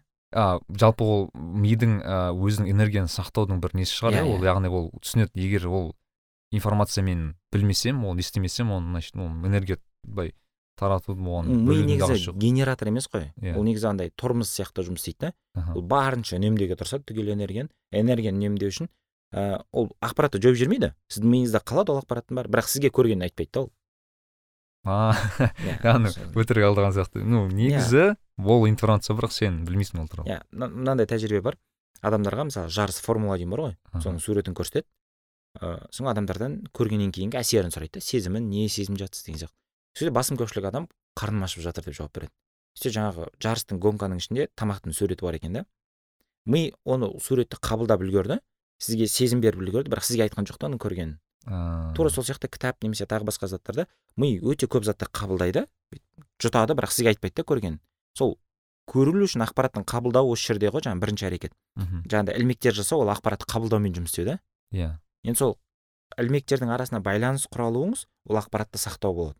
Кейін қай ілмек қай жерде ол ілмекте қандай киім ілініп тұрғанын білгендігіңіз ол ақпаратты жаңғырта алуыңыз да. Иә иә. Бізде мынандай ғой іште жатырда жатқан кезден бастап енді көзіміз жұмылған сәтке дейінгі бүкіл ақпарат мида тұрады кетпейді. Енді черниговский айтқан дейді біреулер біреулер шыңғыс айтматов айтқан дейді. Ми асқазан емес дейді да ұнамаған затын шығарып тастай алатын түгел ақпарат бәрін ішінде сақтайды. Ә, проблема неде? Проблема сол жаңағы сақталып жатқан қоймада реттіліктің жоқтығында. Мм. біз қай зат қайда тұрғанын білмейміз картотека жоқ. Сонымен жаңағы есіме түсіре алмадым ұмытып қалдым деген әңгіме кетеді да бірақ бір момент болады сен хоп иә бір ситуациялар стресс ситуацияда болуы мүмкін. түсіп кетеді. Негізі айтады ғой сезімдер қатты әсер етеді. Айтады ғой типа бір кез келген затты бір не оқи- оқиға дегенде мысалы бір информация бағанағы не деген сияқты мысалы сіз бағана шапалақтан ұру деген сияқты шапалақтан ұру деген эмоция ғой қатты. Иә. Всплеск пик болады да сол кезде сен уже миың а мына жерде осындай бір нәрсе болған деген сияқты мүлдем. бір ассоциация не кейбіреулер бүйтіп ойлап жатуы мүмкін жаңағы ол ол жаңағы сезімге қатысты да біз негативті жақсырақ сақтаймыз ғой. Аха. Ана позитивтен гөрі. А, ол біздің миымыздың құрылымынан дейді да ғалымдар. Ә, егер мысалға екі тоқ болатын болса мысалы екі микрофон болатын болса және оның екі тоғы болатын болса біреуінің тоғы жіңішке сондай әлсіз сымнан жасалсын. Екіншісі қалың сымнан жасалған болса ананың дыбыс өткізгіштік қабілеті жақсырақ та алысқа барады ол сапалы жетеді дауыс. Иә біздің миымызда ақпарат қабылдаған кезде тура солай ғой. Жаңағы шапалақтың сымы қалың да иә. осыған дейінгі тәжірибенің себебімен. Ал ақпарат қабылдау сымы жіңішке болғандықтан біз өз өзімізді кінәлап жатамыз да. Негізі ол сымды да жаңағыдай күшейтуге болады да. Қайта қайта оқысаң. Иә, жаңағы үйрену заңдылықтарымен ақпарат қабылдау сақтау қайта жаңғыртуға жұмыс істеген кезде ол да қалыңдайды. Ол қатып қалған дүние емес та мынау қызық екен. Иә. Жалпы осы мен айтқым келгені адам жалпы бізді тыңдармандарға ол ә, бағанағы кітапты оқу барысында да кітапты таңдай да білу керек айтпақшы иә әрине әрине. Менің ойымша адамдарда мен, мен өзім сондай бір бір уақыт болды өзімде. Бағанағы көп кісілер сияқты ана бағанағы подряд ала берсең да кітап мынау да қызық мынау да қызық мынау да қызық аштық қой иә сен оқи оқисың біреу қалады біреу қалмайды тағы біреу шаң шаң басып жатыр әлі күнге дейін деген секілді. Қазір уже тоқтаттым. Айтамын не қызық тұр соны аламын. Маған қазір не керек соны дәл қазір мен не шеше алмай жүрмін. Тамаша. Мысалы да мен осыны білмеймін ба? Осыны оқимыз болды. Білмеймін мына мүмкін көркем әдебиетке жүрмейтін шығар единственный сол көркем Иә, иә. әдебиет бір андай ғой фоновый ғой кішкене ол жағынан қатты әсері жоқ. Ана бір рет сол өркен ағамен осы тақырып талқыланып жатыр да сосын мынандай зат айтты да ол кісі ұнады маған кітап дәрі дейді да. Мхм. Сен не мазалайды соған қарай дәрі ішесің мхм. Яғни мен мазаламайтын затқа қарай дәрі ішуім біртүрлі да. Мхм. Бұл бірақ іскерлік әдебиетке қатысты. Осы жерде жаңа сіз айтып отқан көркем әдебиет ол дәрумен сияқты да жалпы іше беру керек та оны Витамин. жұтына беру. Ә, тағы бір маңызды дүние бар. Ә, басында жаңа ақпараттық аштық кезеңде тұтыну өте көп болады. Иә. пайдалы ма пайдасыз ба жалпы тұтына беруіңіз мүмкін. Бірақ маңызды зат дәл сол тұтыну сізде талғамның тууына алып келеді да. Сізде иә сол кітап таңдай оқуға таңдай талғам, иә. аласыз да уже. ана Анағыдай. ойға талғам ә, кітапқа талғам. Сіз ана басынан ана қарныңыз аш кезде кез келген тамақ жей бересіз. Бірақ кейін әбден талғаммен мен мынаны жеймін маған мынау ұнайды ұнамайды деген әңгіме пайда болатын кезең ол тұтынудан кейін ғана болады да. Иә. ол да бір өтпелі кезең мүмкін оған да өту керек шығар адам. Мынандай бір қызық оқиға есіме түсіп жатыр мхм. Ә, осы ақпараттық нарықта танымал жаңағы лидер мнение дейді ғой. Мхм. Сондай кісілер бір кітап жариялады. Мен осындай кітап оқып жатырмын деп. Иә. Қызығы ертеңінде бес жігіттің қолында мен сол кітапты көрдім. Ол кітап оларға ешқалай пайдалы емес. Қатысы жоқ иә мүмкін. олардың қазіргі проблемасының шешімі емес ол кітап. Аха. Сосын бесеуіне жақындап кәдімгі бәріне сұрадым да не үшін оқып жатсың мына кітапты? Кеше салды ғой деген сияқты жауап қайта- қайтарады да. Сол кезде кешке бізде бір сабақ бар еді сол кезде сұрадым. Кітап оқу дұрыс па деп. Бір ауыздан бәрі дұрыс оны күмәнға келтіруге болмайды ғой деген сияқты. Жауап айтты да қатысқан кісілер. Сосын мен айтамын да кітап оқу дұрыс болатын болса онда нәтижесі оң болу керек қой. Оң нәтижелі болуы мүмкін ба десем? Иә дейді да бәрі кітап оқу дұрыс. Бірақ менеджментте мынандай ереже бар да оң нәтиже болу үшін дұрыс зат істеу жеткіліксіз. Мхм. Doing right things дейді ғой. Затты дұрыс істеу де жет маңызды да. Яғни doing things right'тан doing right things екеуі қатар болу керек. Иә. Мен кітап оқу иә ол дұрыс әрекет. бірақ мен жаңағыдай сіз айтқандай кітапты дұрыс оқымасам дұрыс кітап оқу керек қой. иә өзіме келетін менің қазіргі қабылдау деңгейіме қазіргі проблемама сай қазіргі арманыма сай кітапты оқымасам онда мен мынандай спорт дұрыс бірақ марафон туфлимен жүгіріп жүрген сияқты боламын да. Иә иә. Дұрыс затты дұрыс емес істейміз да сәйкесінше оң нәтиже болмайды. Ол кезде тек шаршау шалдығу. Бағанағыдай заттар болады. Иә мен анау бір ағаларым бар да кітап көп оқитын бағанағы бір дандай деген ағамыз бар сол кісі көп кітап оқып көп оқиды бірақ ол кісіге бір қандай кітап оқиын десең мүлдем басқа сұрақтар қоюға бастайды да сен не істеп жүрсің қазір? Бағанағыдай соңғы оқыған кітабың қандай сен деңгейіңді түсіну керек та ол. Иә иә. Яғни сен қай сыныпта екеніңізді түсініп иә қай сатыда сен қандай кітап беруге болады саған болмайды. Сен кейбір мысалы насим талиптің кітабын беріп жүрсең болдың ғой өлдің ғой ана жерде. Мысалы сен кітап оқымайтын адам мысалы насим талиптің өзін айталық антихрупкостьте черный лебедсіз оқитын болсаңыз ашылмайды да тақырып. Иә. Жоқ мен мысалы шын айтайын мен жиырма қанша үш жиырма екі жасымда оқыдым насим талипті мен шын айтайын менің ойымша ерте оқыған сияқтысыз тым тым ерте оқыдым өзім шын айтайын миым ашып кетті ана кітапты оқып өзім қиналып уже бірақ андай бағана ерік жігерін жібермей иә. жоқ бітірем деп. Бірақ шын айтсам оқыдым деген галочка ғана бар бірақ шын айтсам қорыту деген ондайға келмедім осы сәтте анау маңызды сияқты ә, соңына дейін оқу шарт емес. Мхм. егер кітап теппей жатса ілмей жатса қоя салу керек сияқты. Өзіңді кінәлі санамай ол үшін айыптамай. Бір кісі бар еді менің сондай бір елу бет техникасы бар еді. Естіп едіңіз? Иә, короче айтады да елу алғашқы елу бетін оқисың егер тартса тартса сен ары қарай оқисың Иә. тартпаса қоясың бізде проблема ана жаңағыдай. Галочка керек сияқты да мен мына кітапты оқығанмын деп айту үшін. Мен бір рет қалжыңдап айтқанмын неге мен кітапты оқымасам дейін ұяламын дейді да мен айтамын өйткені кітапты өзің үшін оқып жатқан жоқсың біреу үшін оқып жатсың Иә. сол кезде ұяласың да. А егер өзің үшін оқитын болсаң өзің мәселең үшін болатын болса жаңағы инстаграмда пост жазу үшін емес мақтану үшін емес оқып жатқан болсаң онда кез келген уақытында тастап кете аласың кітапты. Мм өйткені сен саралай аласың ғой мына мына мына мынау мыналар керек Иә, иә. емес өзіңнің кітабыңды тауып алу маңызды сияқты да бұл жерде. Иә.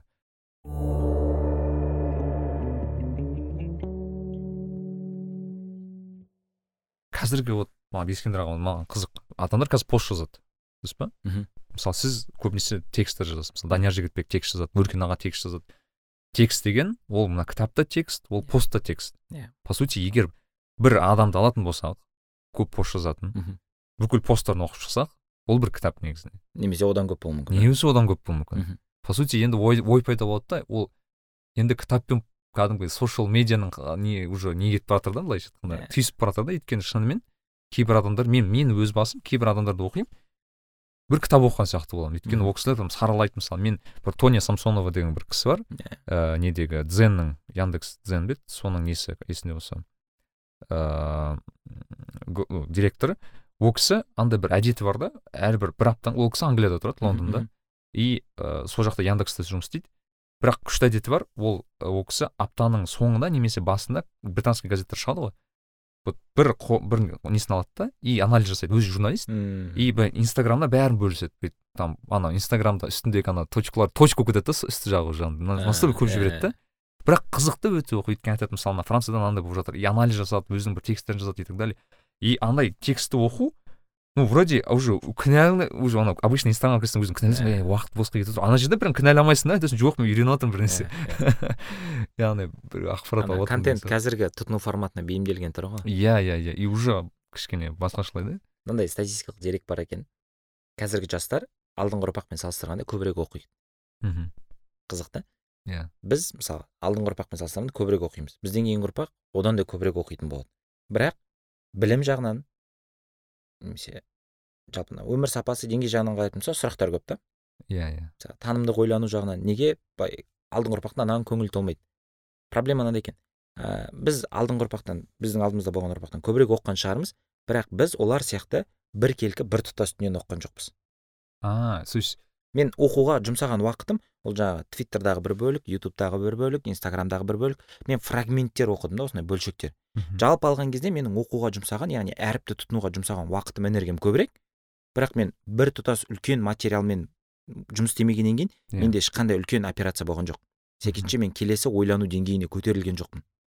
Алдыңғы ұрпақтар олар азырақ оқыған болса да олар мысалы бір кітапты бастан аяқ кәдімгі іргелі бір материалды тұтына алғандықтан олардың ойлау деңгейі көтеріледі да жоғары қарай вот маған қазір ондай статистика бар ма жоқ па екен соны білгім келіп жатыр да. Мысалы бір айтайық бір бір инстаграм қолданушы адам көбінесе ютубта ғана ә, ютуб ә, инстаграмда не емес ә, бағанағы бір приколдар емес көбінесе осындай бір тексттер оқитын адам.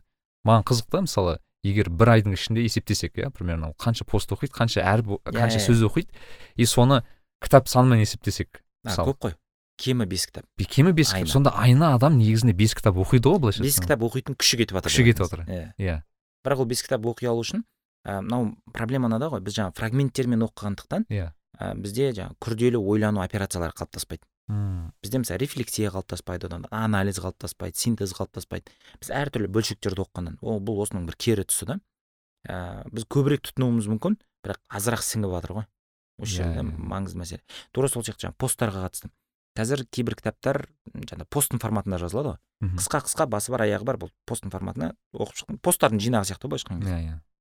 Неге өйткені аудитория басынан аяғына дейін оқуы қиындау біз мысалы кезінде университетте оқып жүрген кезде біздің ана ағаларымыздың біздің алдымыздағы ата апалардың ғылыми еңбектерін оқыған кезде мынандай мынандай абзацтар тұрады ол абзац бір сөйлем ақ. Иә. Ана сөйлемнің соңын оқып болғанша басын ұмытып қала бересіз ғой а қазір барған сайын сөйлемнің соңындағы нүкте басына жақындап бара жатыр дейді ғой. Иә иә. Ол бекерден емес та ол біздің бағана үйрену қабілетіміздің әлсіздігінен ғой. Былайша айтқанда қазір мысалы копирайтингті қатты дамытып жатыр ғой. Негізі копирайтингтің негізгі ыыы былайша айтқанда техникасы ол қысқарту ғой негізі қазір мысалы. иә. Яғни барынша текст қысқа болу керек барынша текст бағанағы қонымды болу керек. иә ол жерде маркетингтік мақсаттар болғаннан кейін аудиторияға қарай икемделеді да. Аха. Маған мысалы осы копирайтингтің мынандай бір ұнамайтын тұсы бар. Ыыы кітап жазатын болсақ немесе пост жазатын болсақ аудитория түсінеді ау деген тілге қарай жазсақ біз ә, әлсірететін сияқтымыз. Мхм. барған сайын. Енді мазмұнын да көлемін де.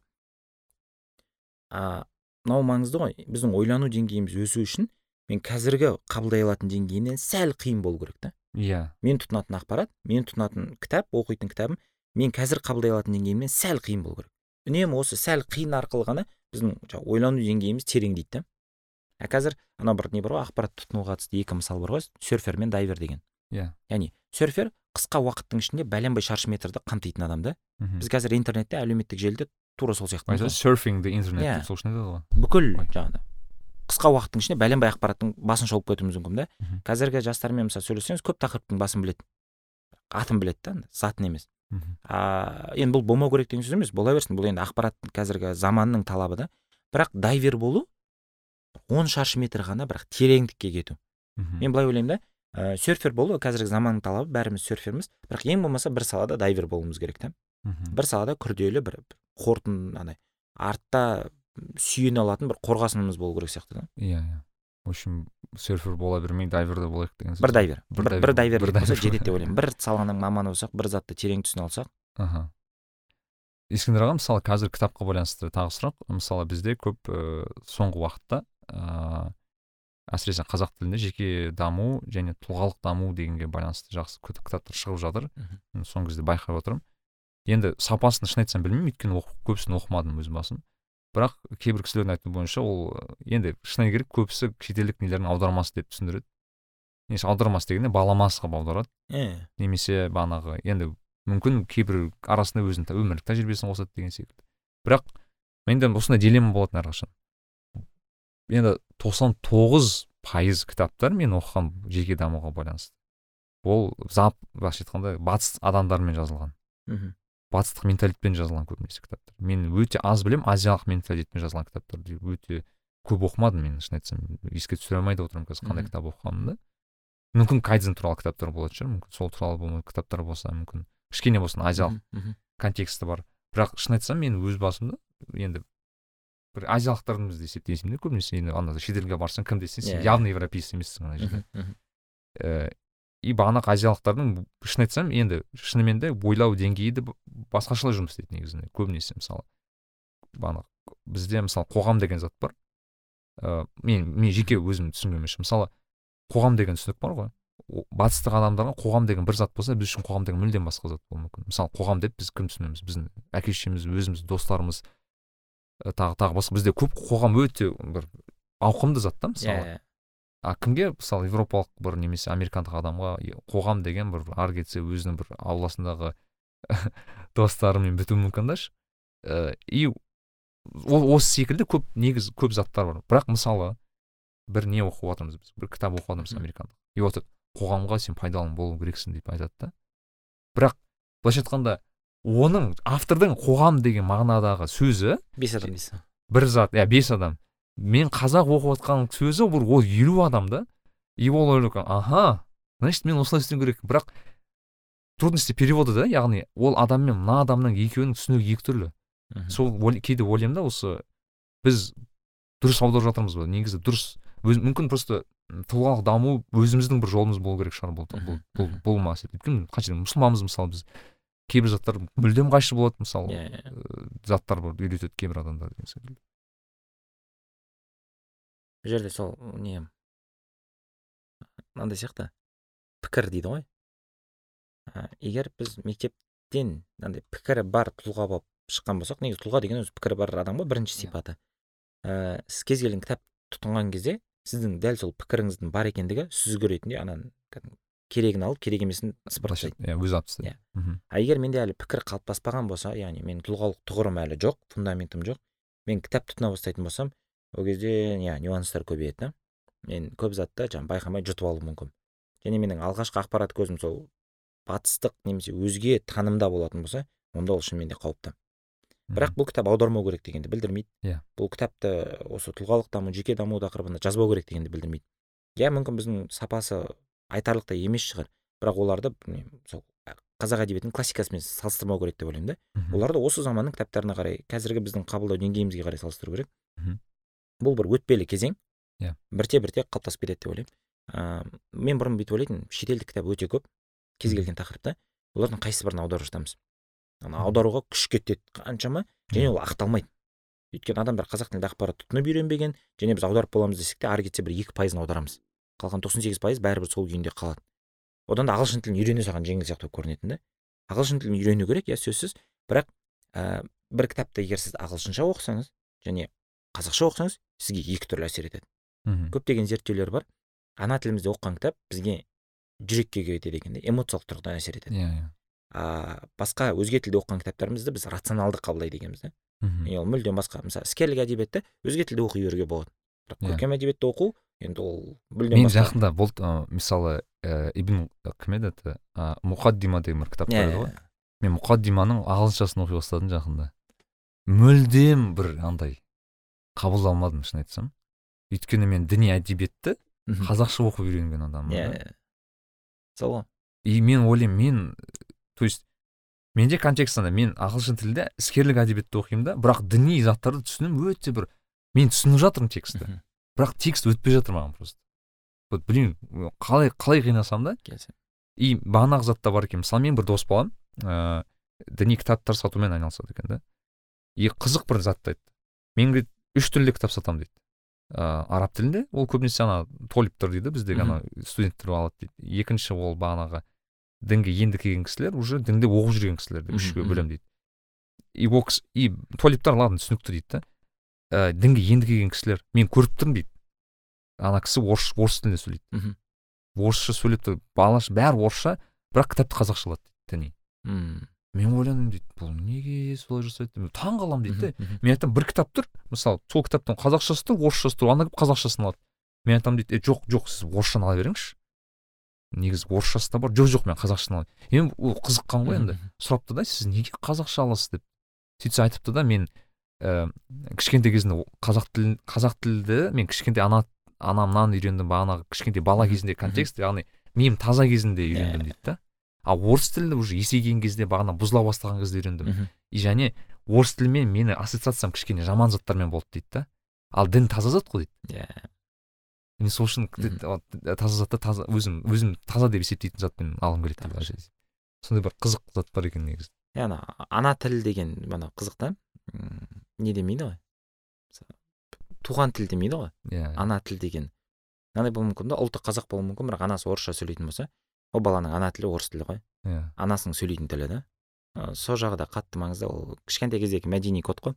Мысалы нөлден үшке дейін алғашқы мың күн. Иә. мен қай тілде ақпарат тұтындым сол менің былайша айтқан кезінде шамшырағым ғой. Аха. бағанағы кісінікі сияқты. Кейін мен есейген кезде дәл сол ақпарат мені бір ерекше күйге бөлейді. Дәл сол ақпарат менің бойымдағы сезімдерді оятады сол тілдегі ақпарат аха. сол кезде тұтынған ақпарат сосын кітапқа қатысты жаңағы бір ыыы ой келіп жатыр да сүзгіден өткізу деп жатсыз ғой мхм.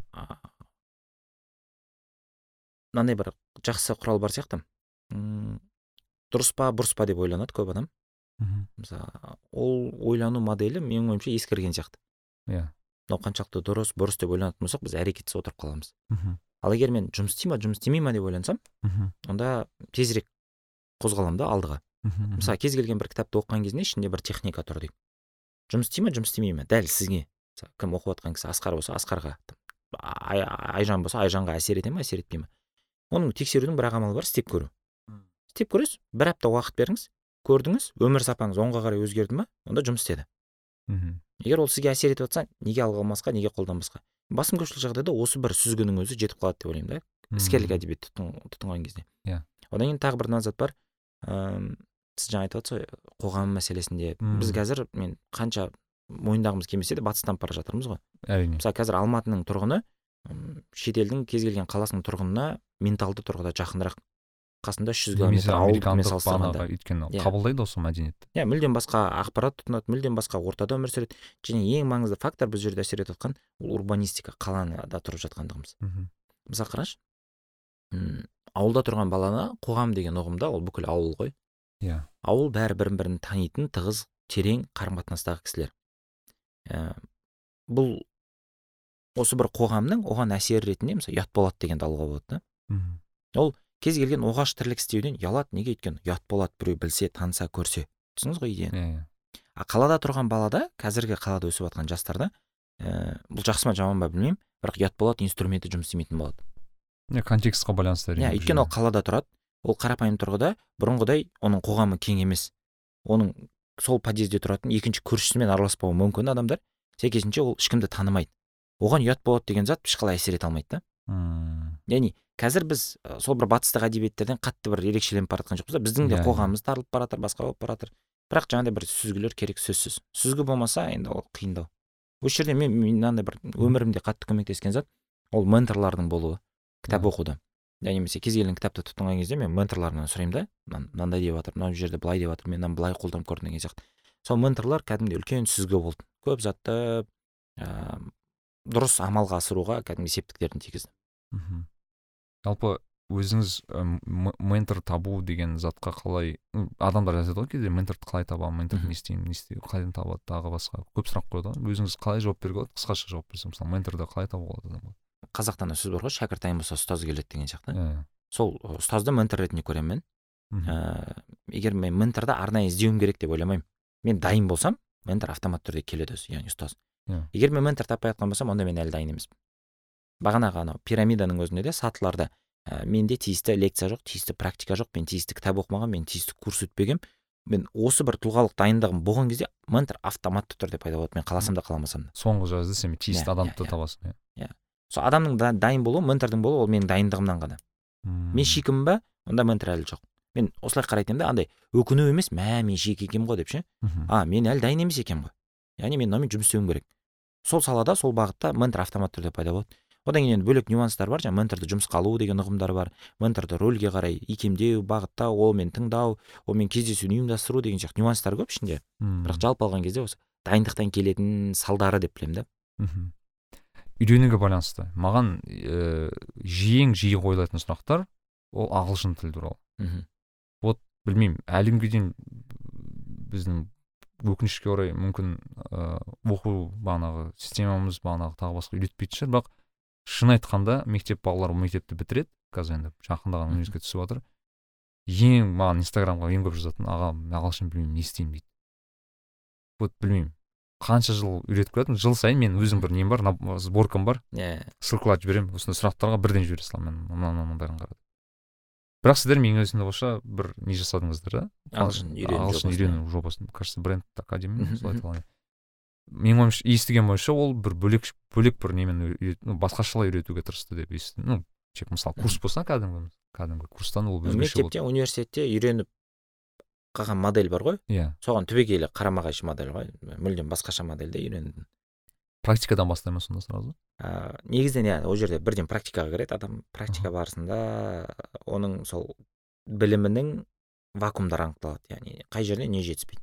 Грамматика жетіспей ма? Грамматиканың несі жетіспейді? Мысалы вокабуляр сөз қоры жетпей ма? Қандай сөз қоры жетіспейді деген сияқты. Фонетика жетіспей ма? Нақты қандай дыбыстар жетіспейді?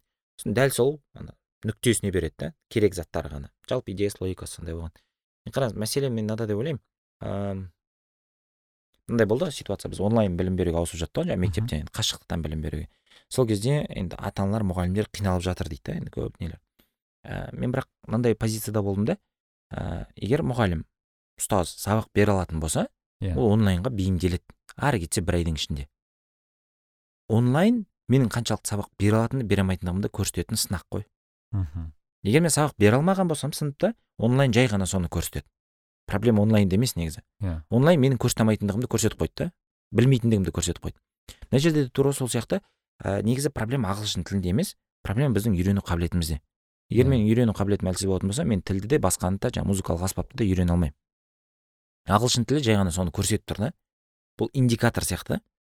Проблема ағылшын тілінде емес проблема сол үйрену қабілетінде. Мынандай бір теңеу бар да. Сіз көлікте келе жатсыз көлігіңіздің багы жанында да бүйтіп бензин бітіп жатыр деп бұл ағылшын тілін білмейсің деген сигнал сияқты ғой. Сіз не істейсіз? Сіз сол сигналмен күреспейсіз ғой.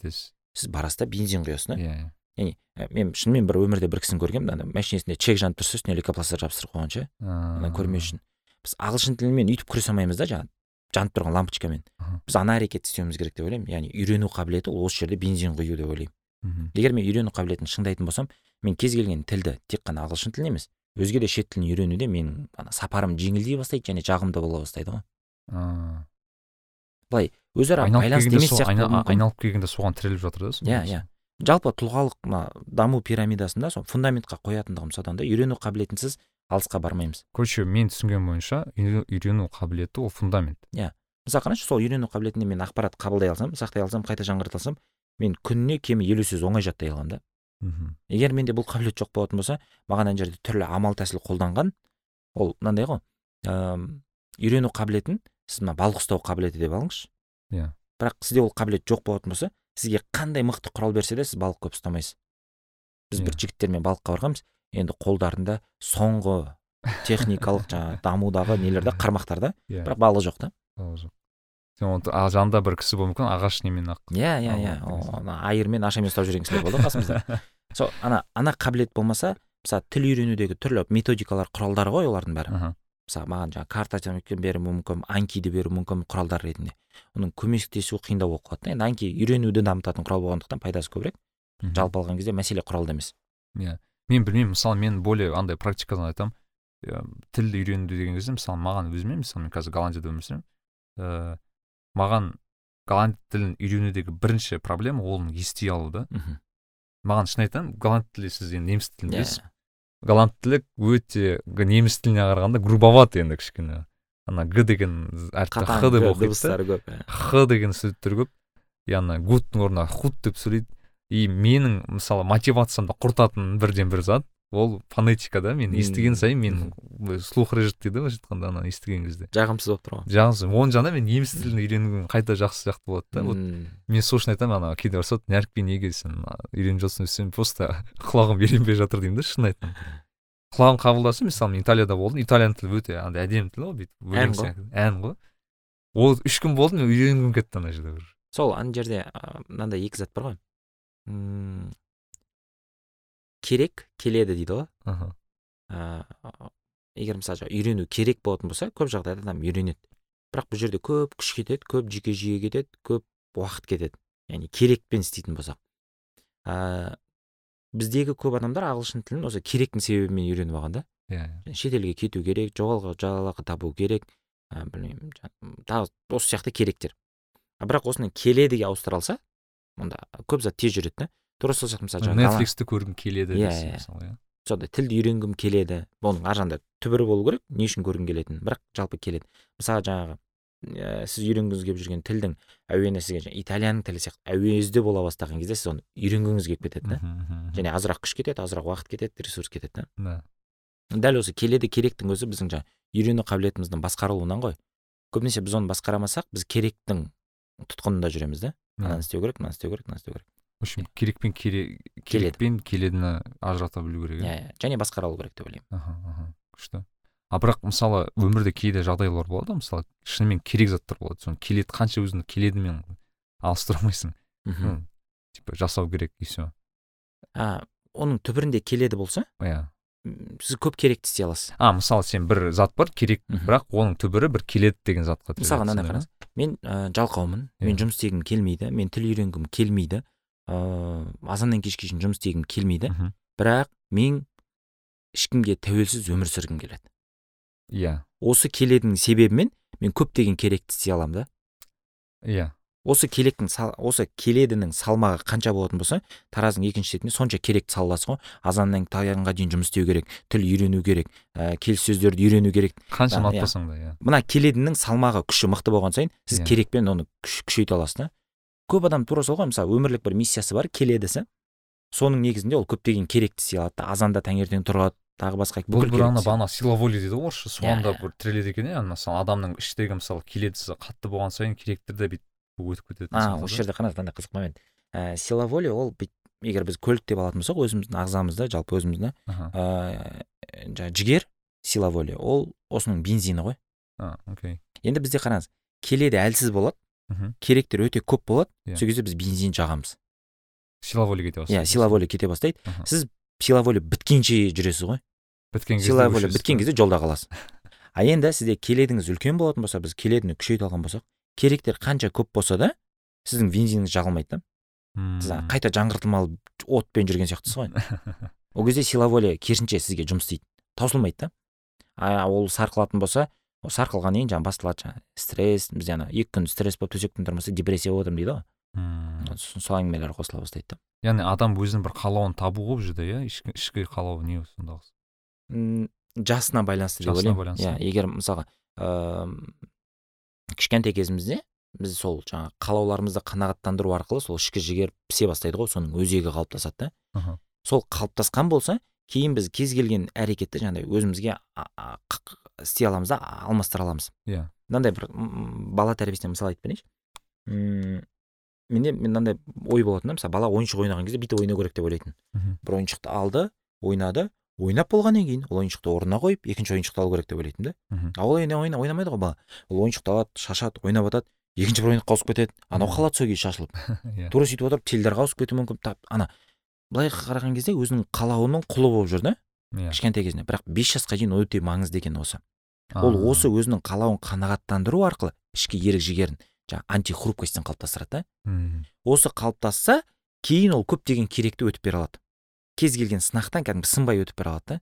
А біз бүйтіп қараймыз ғой ересек адам ретінде е мынау қазір бүйтіп жатыр мен бұны бүйтпеуім керек. Ертең мынау иә ертең мынау қалауына неғып жүретін болады деп біз қазір сындырып тастауға тырысамыз да оны.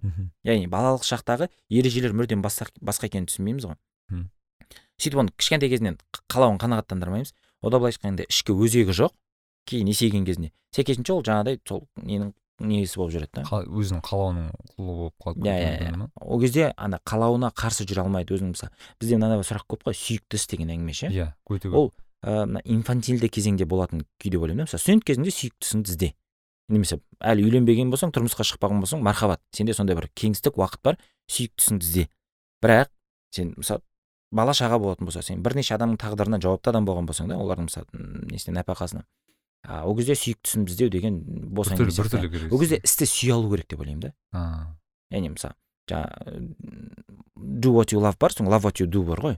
Бізде осы love what you do яғни ісіңді сүйе алу қабілеті жоқ болғаннан кейін сүйікті істі іздеп жүре бересіз да а сүйікті іс ол алты ай сайын ескеруі мүмкін.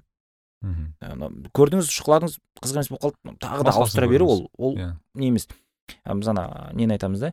Мүмкін иә мысалы мансаптық даму немесе сондай бір жаңағы қазіргі бизнес сүйікті іспен басталатын шығар бірақ істі сүйе алумен ғана жалғасады да ол. Бізде осы қабілет жетіспейді. Иә яғни бағана сіз айтпақшы love what you do do Иә. what you love. Do what you love-пен басталады. Иә. сенде ішкі стержень қалыптасады соң love what you do болу керек қой. Сол соған алып келу керек та.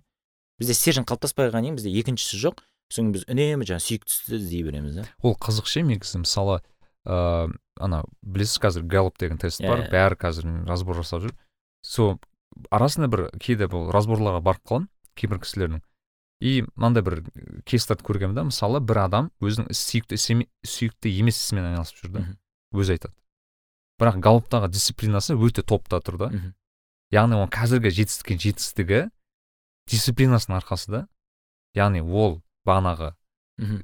Істі жақсы көрмеуі мүмкін бірақ жасауды жақсы көруі мүмкін да ше иә иә. соны түсіндім да яғни ол, ол, ол сол жағын қатырады да. Яғни ол мүмкін ол істеп жатқан жоқ болса да дисциплинасының арқасында немесе басқа жаңағыдағы қасиеттердің ар- арқасымен осыны көтеріп жатыр да. Қарашы мысалы кезінде жаугершілік заман кезінде батырлар айтса да «Ей, мен жауға шыққым келмейді деп.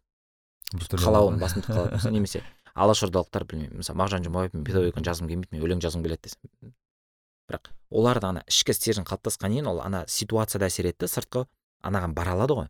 Енді қазір мүмкін біз сондай бір бейбіт заманда қарнымыз тоқ болып жатқаннан кейін ба қатты бір ана қажеттілік жоқ болғаннан кейін біз еркелейтін сияқтымыз да Иә. инфантильность деген әңгімеде.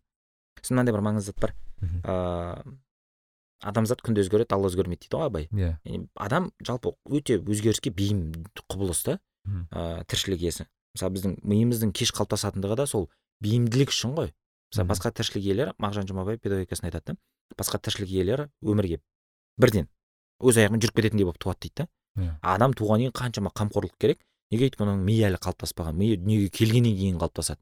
Неге ол олай? Өйткені оның бейімделу қабілеті болу үшін. Басқа тіршілік иелерімен салыстырғанда. Мгм. Е, яғни біз өте бір сондай икемдіміз да көп затқа. Осы бір сипатымызды пайдалану керек деп ойлаймын. Мхм. жаңағы бейімділігімізді. Адам қатты өзгереді. Тура сол мысалы галлоп тест немесе басқа қандай бар MBTI тест бар диск тест бар томас тест. Солардың бәрін тапсыратын болсақ алты айдан кейін тапсыратын болсаңыз өзгеру өзгересіз. Иә. мысалы там бір адам соғысқа барып келді ол болды мүлдем басқа тип. Немесе там отбасында бір түрлі жағдайлар Иә. болды мысалы да? Форс мажор қайтыс болып қалды мына отасы болды адам өзгереді. Сіздің көңіл күйіңіз болсын бәрі. Біз ана өзімізге бір не сияқты статика сияқты қарамау керек сияқтымыз да Иә, қатып қалған. динамика. динамика иә. Яғни сол бір өзгеріске икемделу бейімделу біз өзгере аламыз және бір және өмірлік миссиямыз немесе тағы бір сондай өмірдегі қажеттілікке қарай бейімделуге болады. Бізде ана табиғат қалтай деген ағамыз осыған қатты жақсы айтты да айтты да м галопты адамдар ойлап тапты ғой дейді да алла емес. Иә иә иә тамаша. Яғни ол өзгереді сен адамдар қателесуі де мүмкін оны деген секілді. Яғни оған иман етіп осы болады деген сияқты ол. Өйтетін болсақ біз ситуацияға бір жақты қарап Иә, қаламыз да өте тар қарағанымыз болады. Мен мысалы өзім айтамын галоп тапсырған адамдар екі жыл сайын тапсырып тұрыңыздар деп ше екі немесе үш бір жыл сияқты менің ойымша. Бір жылда мүмкін. Мен мысалы үш жыл бұрын тапсырдым мен мысалы скоро жақында тапсырғым келіп Иә, отыр айтамын құдай қаласа. Өйткені мен түсініп отырмын ананы қараймын уже өзіммен маған разбор жасайды. Мен айтамын уже не то. Короче мен как будто Иә. уже басқашалай ойланамын қазіргі уақытта ойлаңыз сіз үйленгеннен кейін мүлдем өзгересіз да Иә. тағы өзгересіз. Балалы болған кезде әке болған кезде жаңағы баланың жүрегінің қағысын естіген кезде ол тағы мүмкін иә бағанағы основалар қалуы мүмкін шығар. Алғашқы там топ бестікі ше бірақ қалғандары Иә, менің ойымша иә. ойнап тұрады бүйтіп ары бері. Мысалы андай ғой мен мысалы ең қатты білмеймін біздің алдымыздағы ұрпақтардың трансформация адамның өзгергенін немерелі болған кезде көремін да сондай бір қатты кісі болып көрінген болуы мүмкін. Бірақ немерелі болған сәтте мүлдем басқа адамды көресіз ғой. Іштегі бір сезімдері оянған ше кәдімгі бөлек. Адам өзгереді ол қалыпты зат қой абай да айтады ана. Ә, адам өзгермейді дегеннің тілін кесетін ем дей ма? Сондай бір сөзі бар ғой. Егер биліктің несі болса күші болса қолында. өте мысалы мен өзім ә, атам бар өзім қайтыс болып кетті бірақ ол кісі мысалы сөйлескен кезде бағанағы ә, кішкентай кезінде он жеті жасында бағана анасы қайтыс болған да и айтады да ана жанындағы ағалар көрген ғой он жеті жасында ана бала отыз бес жастың баласымен ойленіп кетеді дейді да уже. Иә. бір сәтте ақ болатын зат дейді да мысалы. Сондай мәселе ерте ғой есейеді ғой. Негізі сынақтар қиыншылықтар есейтеді ғой адамды. Аха. анау бір кейде айтамыз да. Адамды есейтетін жас емес қой жауапкершілік. Иә. Иә қаншалықты көп жауапкершілік алдың соншалықты есейесің да не бойынша жеке куәлік бойынша жасы отыз бесте болуы мүмкін. Бірақ жауапкершілігі оған сай келмеген болса ол он бесте да немесе керісінше иә он бестегі бала болуы мүмкін бірақ жауапкершілігімен жаңағыдай отыз бесте. Бірден мынандай бір жас бала кездесіп қалды. Сосын жаңағыдай жас болса да жаңағы қазірден бастап іс тындырып жүр деген сияқты айтады да. Сосын қаншадасыз десем он алтыда дейді. Сосын мен бірнеше мысалдар айттым да. Сағадат нұрманбетов ә, біздің тәуелсіз қазақстанның тұңғыш қорғаныс министрі да. Иә, он алты жасында соғысқа барған. Ұлы отан соғысына енді екінші дүниежүзілік соғысқа ұлы отан соғысы емес ә, сол жерде он тоғыз жасында кеңес одағының батыры атағын алған да енді жаңағыдай ғой жасына қарай емес жауапкершілігіне қарай есейіп тұр да қазір кейде бізде соны ә, бағанағы ғой тыныштықтан ба бір кейде жасанды жасанды иә жасанды сынақтар керек сияқты деген ой келеді. Ана не бар ғой қазір i generation деген кітап бар да соны жиі осы подкастта айтамын. Ол бағанағы осы қазір әсіресе тоқсан сегізінші жылдан бастап туылған балалардың өзгеруін айтады түсіндірген зерттеу да енді.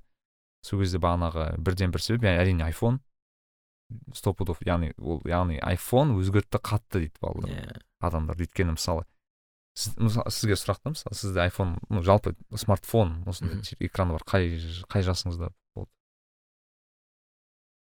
Так. Ну андай кнопочный иә емес түсіндім түсіндім. Жиырма төрт жиырма бес. Вот. Жиырма төрт жиырма бес болса? Сол жастарында иә. Қазір ойланып көріңізші мысалы қазіргі ыыы білмеймін он екі жастағы балаға жиырма бес жасында ғана сен айфон аласың десең ол балаға вообще мынандай да Иә. қалай ол деген сияқты. Жоқ ол балаға ютуб жоқ заманда өмір сүрген дегеннің өзі андай ғой. Әбден мен біз ұлымызбен сөйлесіп жатып айтамын да біз қалауымызша мультик көре алмағанбыз.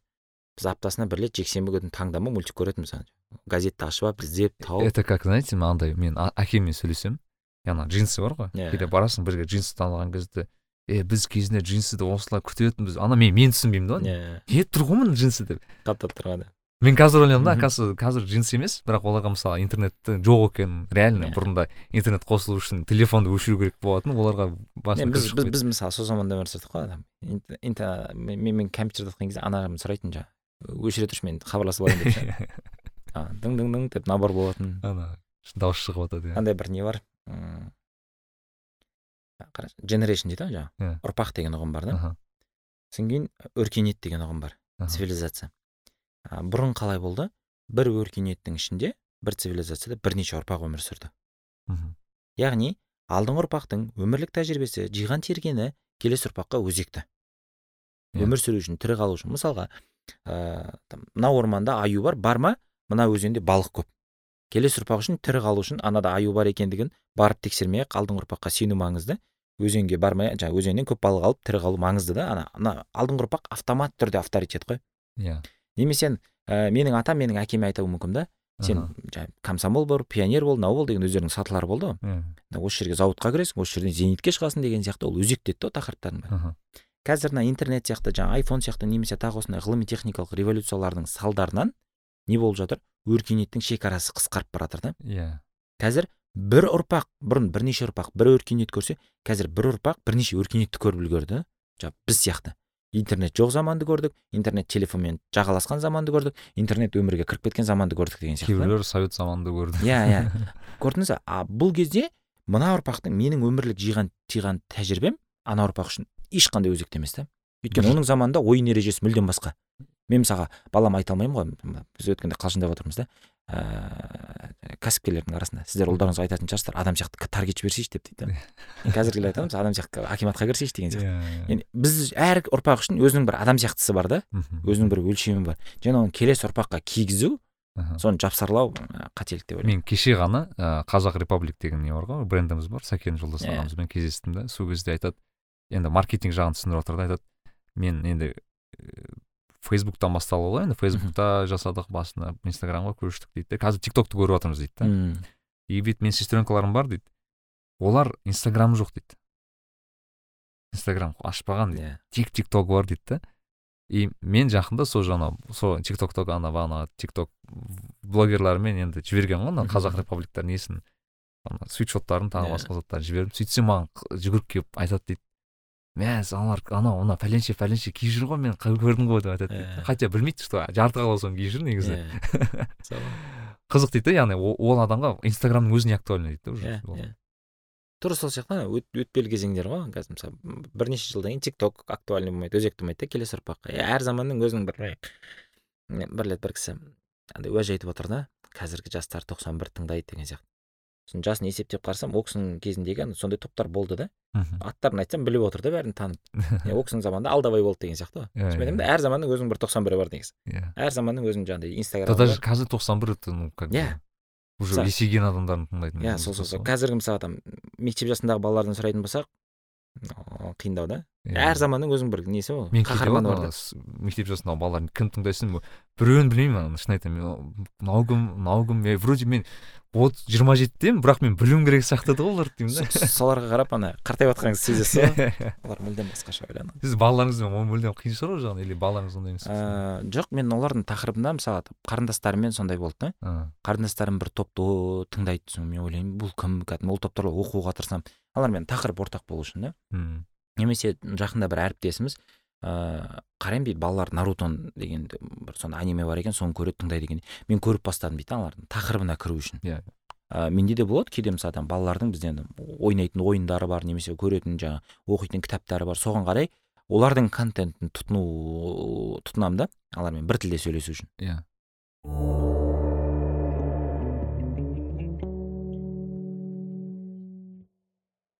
Жалпы вот э, өркениетке байланысты да ешкімдер мысалы біз қазір бір затқа түсініп отырмыз яғни бір ұрпақ бірнеше өр- өркениетті көреміз бізде мысалы скорее всего бір келесі өркениеттің қандай болатынын білмейміз бірақ ол міндетті түрде көреміз оны. Иә иә. міндетті түрде басқашалай болады. Бірақ өркениеттер ауыса береді заман ауыса береді. Адам да соған бейімделе береді ғой негізі былай қарасаң. Сонда адамда не өзгермеу керек? То есть адам қараңыз мысалы біз біз бағана бағанадан бері обсуждали нені? Адам үйрену керек. Адам деген бейім- е- үйрену дегеннің бір нәрсесі ол актуалды емес затты шығарып тастап тамаша. актуалды затты құю ол жерге.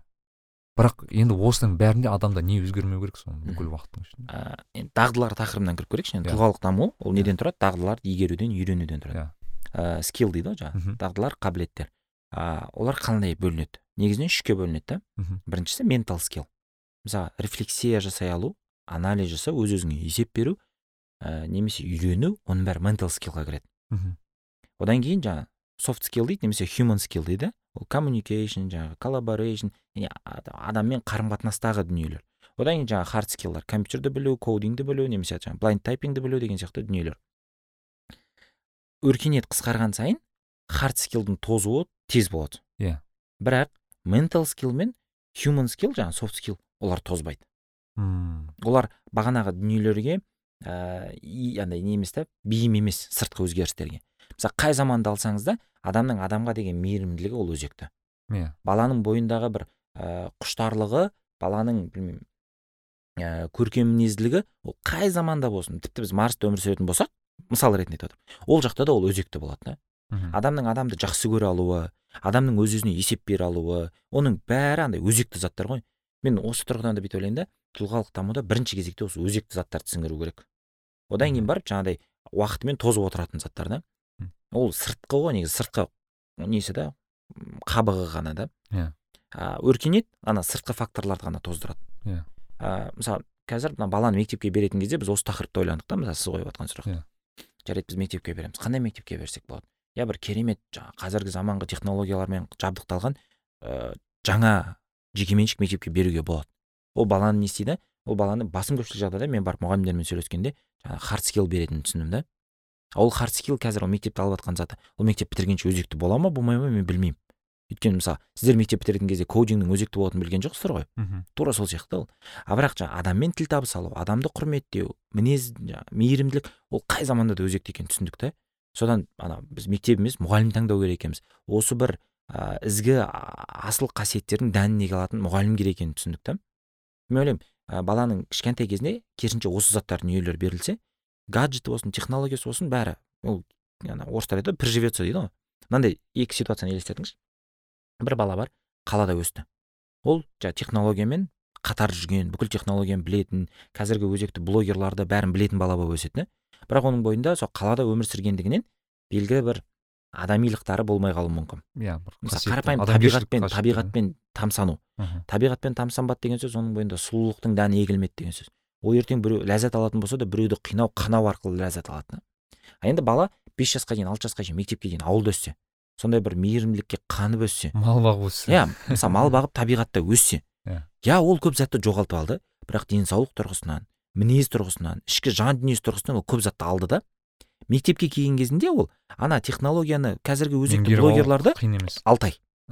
Алты айда анамен ілесіп кете алады бірақ ана заттарды игере алмайсың да сен. Ана қаланың баласы ауылдың баласыныкін алты ай емес алты жылда да игере алмайды да ол заттарды. Осы осы осы затты қатты ойландырып жүрмін мен соңғы кезде. Балаларыңызды ауылға жіберіңіз сондықтан деп па? Жоқ шын ғой иә мүмкіндікше мен ойлаймын қалада табиғатқа шығарып тұру керек. Иә. Шынымен иә? Мхм. Не болмаса табиғаттың көріп айналасын көріп алдында бір нені оқып жатыр қызық зат айтады. Табиғатта тыныштықты тыңдай алу. Аха ол үнсіздік емес. Мүлдем мына студияда сияқты дыбыс шықпау емес. Табиғаттың өзінің бір сондай дыбыстары да. Соны тыныштық дейді да. Сол тыныштықты тыңдай алу. Ә, қазір біз шынымен ақпарат бар басқасы бар. Шу да нойз полюшн негізі эйр полюшннан қауіптірек қой. Иә. Яғни шумен ластану ше қалада ол өте көп қой. Мхм. Ол біздің мына зияткерлік қабілеттерімізге де жалпы ойлануымызға да шешім қабылдауымызға да көп затқа кері әсер етеді да. Сонда мен қазір ойлаймын да бағана сіз айтып шыққан қасиеттер негізінен мысалша айтқанда көбінесе баланың діни тәрбиесіне байланысты сияқты. Иә ол да бар. Өйткені мысалы адамгершілік адамды сүю бағана тамсану тағы басқа. Мен мысалы білмеймін ұстаздардан немесе бағана ауылдағы бір имамнан айтатын сөздер да негізінде кішкентай кезінен миыма құяды да соны айтады е былай істеме былай болады негізі былай ну короче былайша айтқанда бала губка ғой негізі кішкентай кезде. Мен мысалы айтамын кейде біз жақында бір тоже бір подкастта болдық. Ұстаз ұстаздармен мешіттегі сол кезде айтамын да баланың мысалы шетелде өсуі қазір көп балалар шетелде жүр. Көп балалар шетелде жүр. Яғни шетелде енді балалар шетелде туылды да. Басқа елде. Бірақ бір минусы ондайдың бала діни тәрбие алудан қалады да. Өйткені ол жерде орта жоқ қой. Бағана имам білмеймін қаншалықты бере алады. Бала әке шешесі қаншалықты бере алады. Қиын да өйткені мен тұрып жатқан адам ретінде білемін да. И осы негіз берілмесе бағана осы қасиеттер берілмесе қиын да оны кейін беру адамға үйретіп тастау бағана өйткені все таки кішкентай балаға ол дән салыну керек та осындай заттардан. осы жерде ана сенситивті кезең дейді ғой. Былай есік ашылатын кезең сияқты ол бір иә қысқа уақытқа ашылады. Сол моментте үлгерсе үлгерді үлгермесе үлгермеді да. Бағана мың күн деп жатыр ғой алғашқы аха. Сол жердегі сенситивті периодтың саны адамның өмір бойы үштен кейін өлгенге шейін алатын сенситивті периодынан көбірек та. Соны қатты ескеретін анау не сияқты бір қайсы? Ана бір кітап бар после трех поздно ма еді иә масари бука ол сол туралы ма? Иә негізі акцент соған қойылған бірақ бағанағы фильтр туралы әңгімесінде мен ойлаймын ііі сексен пайыз әңгімесі орынды. Алуға болады амал етіп қолдануға болады. Бірақ қалған жиырма пайыз әңгімесін сүзгіден өткізу керек. Мысалы тілді үйрену мәселесінде ше. Иә. Қарашы бала губка дедік қой баланың қабылдауы губка. Ә, бірақ оны осыны алғашқы айтқан ғалым оны мүмкіндік деп айтқан жоқ та. Ол қауіптеніңдер деген мақсатта айтқан ғой. Яғни бұл кез келген затты сіңіріп алады бет алдымен жаңағы басын толтыра бермеңіз деген әңгіме ғой. А біз мә бұның басы губка екен давай тіл үйретіп тастайық мә ментальный арифметиканы үйретіп тастайық деп кішкентай кезінде басып қалуға бірнеше тіл үйретеді ғой параллельно мысалы иә иә оның оның бәрінің салдары бар. Мысалы и педагогтарды тыңдайтын болсақ егер бала тәрбиесіне тақырып олар айтады баланың басын емес жүрегін уайымдаңыздаршы дейді егер дағды тұрғысынан айтатын болсақ бағана хард скиллдар сияқты да басы деген. А софт скиллдар немесе жаңағы ментал скиллдар ол жүрегі да. Бағана адамға деген мейірімділік оның бәрі жүректен шығатын заттар ғой. Мм. Және ол кішкентай кезінде ғана беріле алады да. Кішкентай кезде берілетін заттар. Иә одан кейін мен ойлаймын есейген шақта біз тек сол кішкентай кездегі фундаментті бір әрлеуіміз мүмкін бір жылтыратуымыз мүмкін бірақ еселей алмаймыз да. Біз бар материалмен жұмыс істейміз ғой есейгенде. Сонда искандр дұрыс түсініп тұрмын мен егер ә, біз ну бір бала жеткілікті деңгейде соны ала алмаса оны кейін алу қиын бола ма сонда? Иә мысалы макаренкода мынандай сөз бар. Бес жаста адам қалыптасқан тұлға дейді. Бес жасқа шейін тәрбиелеп үлгерсек үлгердік үлгермесек өмір бойы қайта тәрбиелейміз дейді. Негізі қазіргі көп жағдайда біздің қоғамдағы мәселе тәрбиелеу мәселесі емес қой қайта тәрбиелеу мәселесі да иә. Ауыл жаңағыдай бұзып қайта салумен бірдей ғой.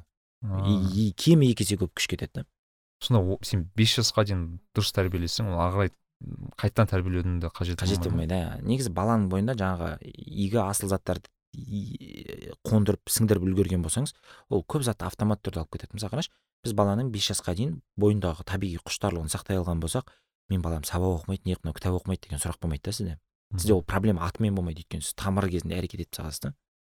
Тура сол сияқты мысалы адамның бойындағы эмоцияның сезімге айналуында сіз жұмыс істеген болсаңыз яғни ол өзгеге деген мейірімділігін бере алатын болса мағжан жұмабаевтың педагогикасында айтады ғой ләззат алу барлық адамға тән.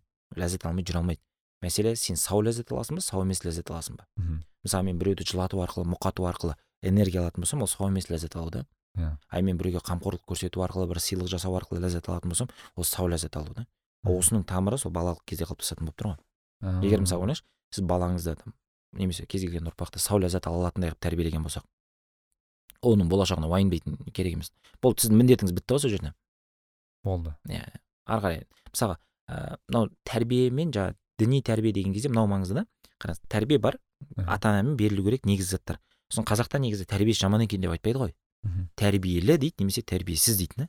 Либо бар либо жоқ не бар не жоқ та ол. Бұл жаман бола алмайды. Ол мынандай омыртқа сияқты ғой.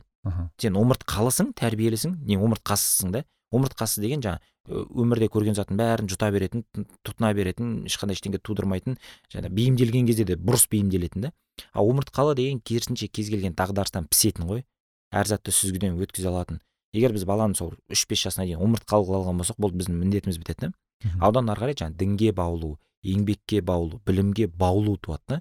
Баулу деген ана тақырыпқа қызықтыра алу қандай? Тығу емес та. Күштеу емес отырғызып қойып түсіндіру лекция оқу емес та.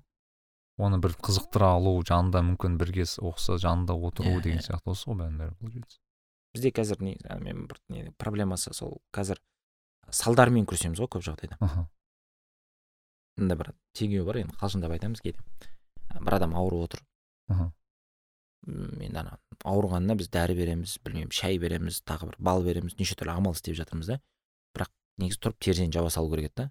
Оны ауруының көзінен айырылған болсақ шынымен ол асқынбайтын еді ғой иә біз сол симптомдар салдарымен алысып жатамыз да көп жағдайда ешкімде мынандай сұрақ ыыы сонда ыыы психологиялық менталды физикалық барлық жағынан дұрыс дамыған ата ана тура сондай балаларды алып келе ма сонда өзінің негізінен иә иә ол андай ғой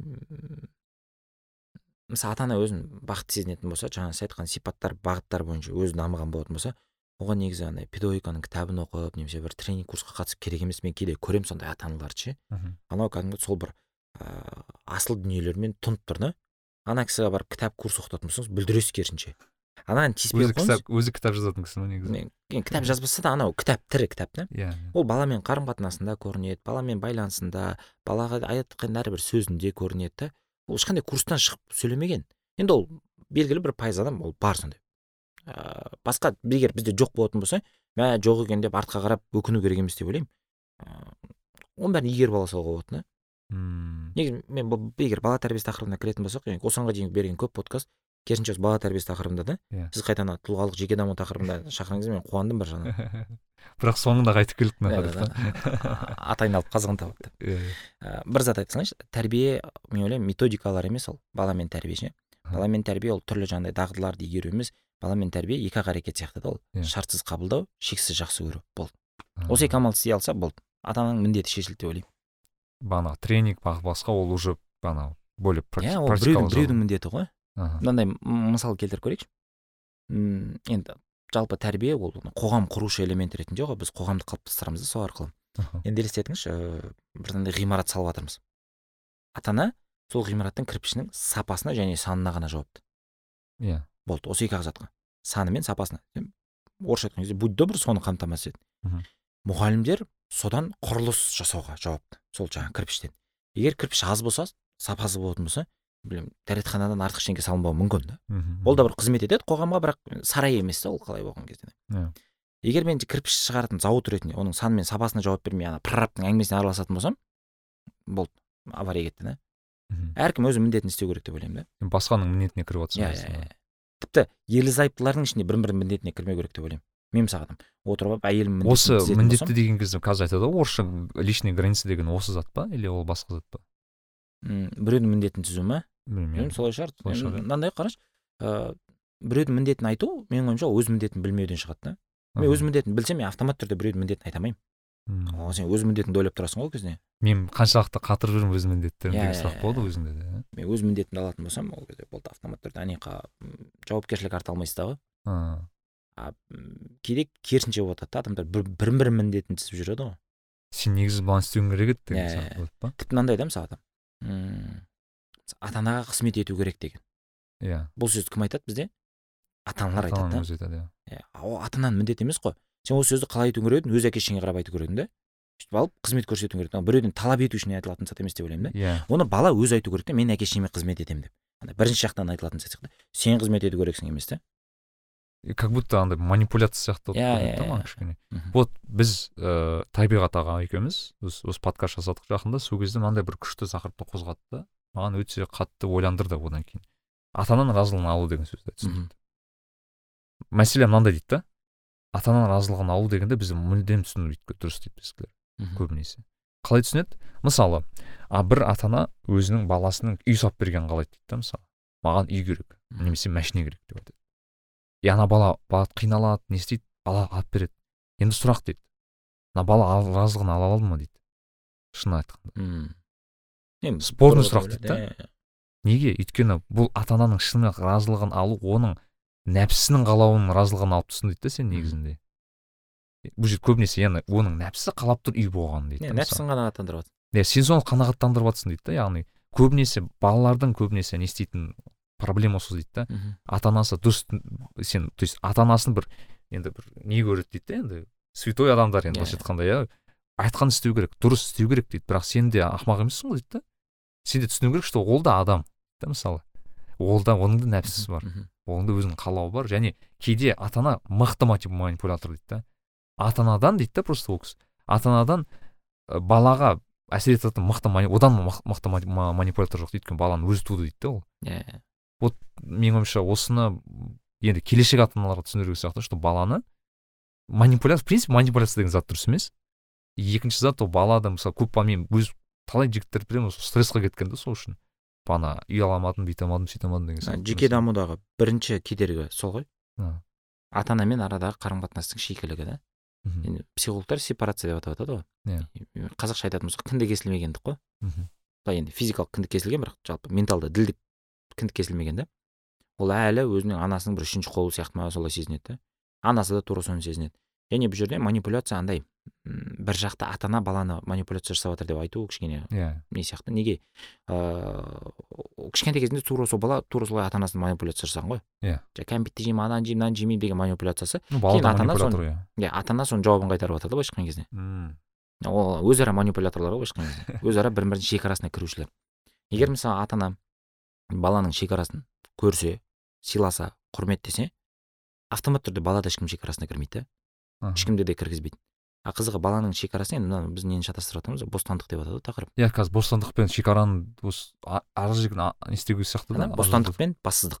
Иә. осы екеуінің ара жігін шатастырамыз да. Иә. бір әріптесімнің көлігіне отырайын деп жатырмын бір жерге бару керек болды. Сосын көлігінің ішін тазалап жатыр да шашылып жатыр көлік. Сосын енді балалар ғой дейді да жаңағы шашып тастаған. Енді ақталу керек болды ма білмеймін ол кісі. Балаға бостандық беріп жатырмыз ғой деп енді маған қарай итермелеп жатыр да сен бостандық бер деп айтасың ғой деген сияқты. Мен бостандық беруге андай біртүрлі түсінік қой. Иә. ана жерде бостандық па бассыздық па сұрақ та ол. Мен сұраймын да көліктің іші шашылып жатқаны сізге ұнай ма? Жоқ ұнамайды дейді. Онда бұл бостандық емес қой. Иә. ә, александр нил деген педагогтың несі бар? Жақсы сөзі бар. Ә, мен ең алғаш сол кісіден оқыдым. Негізі жалпы біздің педагогтарда да айтылады ол. Бостандықтың шекарасы қай жерде? Өзге адамның бостандығы басталған жерде. Окей. Бала өзінің бостандығын қашан сезеді? Ата анасының бостандығына ұрылған кезінде. Яғни ата анасына не ұнайды не ұнамайды ата анасына не керек не керек емес. Бізде проблема баланың бостандығы жоқ. Неге? Ә, өйткені ата ананың өзінің бостандығы жоқ. Ол өзінің шекарасын білмейді да. Мысалы қарапайым келінді өзі алатын болсақ өзі сол Иә. шекараны сақтамағандықтан бала да соны сақтамай ма иә мысалы анасы келін да. Ол Иә. мысалы өзінің шекарасы жоқ келін ретінде жар ретінде. Ол андай ғой шекарасы проходной двор болып кеткен ғой. Мхм. Оған бала да тура солай кіре береді да. Иә иә. Ол шекараға анасының шекарасына бала ұрылмаса онда бостандығында ақау бар. Ол өзге адамға қатысты оның бостандығын жаңағы оның шекарасын сезбейтін болады да. Бізде екі ұшқында не бассыздық не андай қатаң тәртіп қой Мм. екеуінің біреуі болады да бізде бір алтын ортасы жоқ та бостандық. иә. уф мына қызық екен ана бостандық. Өйткені мен шынымен осыны ойланатынмын. Яғни қазір ыыы бағанағы жеке бағанағы не дейді граница дейді ана бағана жеке шекараны деген кезде мен түсінбейтінмін ол шекара деген не мағынада айтылып былай қарапайымдатсақ болады. Мысалы маған ұнайды маған ұнамайды деген екі ақ сөзбен шекараңды сызып алуға болады да мхм. Мысалға айталық кешке келдіңіз ыыы тамақ ішейін деп жатсыз бала мойныңызға шығып алды. Сізге ұнай ма ол? Ну мысалы ұнамайды. Ұнамаса ол бостандығыңыз иә. Балаға соны сезу сізге ұнамайтындығын білу сол бостандыққа ұрылуы да ол керек балаға даму үшін. То есть бала мысалы бала мойнына мініп алды мысалы ұнамаса ә, ата ана сездірту керек қой иә әрине айта алу керек оның ішкі уайымын сезімін бәрін айта алу керек қой. Бізде баланы бостандықта өсіру дегенді қалай түсінеді? Жаңағыдай бассыздықта өсіру да бала ойын мен мынандай кісілерді көргенмін. Бала люстраны сұраса люстраны шешіп бергенше Иә, енді ол бассыздық қой ол таза бассыздық та. Ыыы просто ол қараңыз мысалы бана люстра шешкен бала сияқты мысалы ол да кейін де басқа айтуы мүмкін ғой получается иә ол бала ойлаңызшы ешқандай шекара сезіп жатқан жоқ ол білмейді қай жерде тоқтау керек екенін. Мхм. Ол ертең ана мынандай бір кезінде интернетте танымал болған мысал бар еді ғой. Бір кішкентай бала ә, анасымен қоғамдық көлікте келе жатып қарама қарсы отырған жаңағы қыз баланың киімін теуіп кірлетіп отырады ғой. Сосын ана қыз бала айтады да балаңызға қой деп айтыңызшы десе анасы жаңа біз бостандық тәрбиесімен тәрбиелеп жатырмыз деген сияқты айтады да. Все бұны әңгіменің бәрін естіп тұрған бір бала сағызын шығарып ананың басына жабыстырады дейді да. Мен тура сол методикамен тәрбиеленгенмін деп ше. И түсіндіргісі келгені бостандық ол біреудің шекарасына кіру емес. Иә. Бостандық ол оны жаңағыдай сақтау иә сақтау керісінше. Өзіңдікін де өзгенікін де сенің бостандығың біреудің бостандығы басталған жерде бітетіндігін түсіну және жауапкершілік алу да осының бәріне. Жауапкершіліксіз бостандық болмайды. Яғни жауапкершілік жоқ болса бостандық жоқ қой. біреу жауап жауапты болу керек қой өзінің ісіне. Жауапкершілік деген кезде яғни мен мына істен жауап жауап жа- жауаптымын немесе мысалы мына Иә. әрекетінің салдары бар салдары бар екенін білу керек жаңағы александр нил деген кісі саммерхилл деген мектебі бар. Содан мынандай қызық оқиға болады. Ә, ішкі кеңес балалар өздері талқылап бір ереже қалыптастырады сол кезде бір баланың ойы өтпей қалады да ана кеңесте Мгм. талқылауда ол сыртқа шығып ашуланып тасталып жаңағы мектептің терезесін шағып жібереді. Иә. директор қарап тұр. Бала қымсынбайды директордан. Екінші бір тас алып жаңағы. Бүкіл ашу шыққанша алтыма терезені шағып тастайды ғой. Директор осының бәріне қарап тұр. Шағып болғаннан кейін директорға келеді да жаңағы мен ана ата анам жіберетін ақшадан мына терезенің ақысын ұстап қаласыз ғой дейді да. Жауапкершілік алып тұр өзінің үстіне. Бостандық қой дейді да. Иә.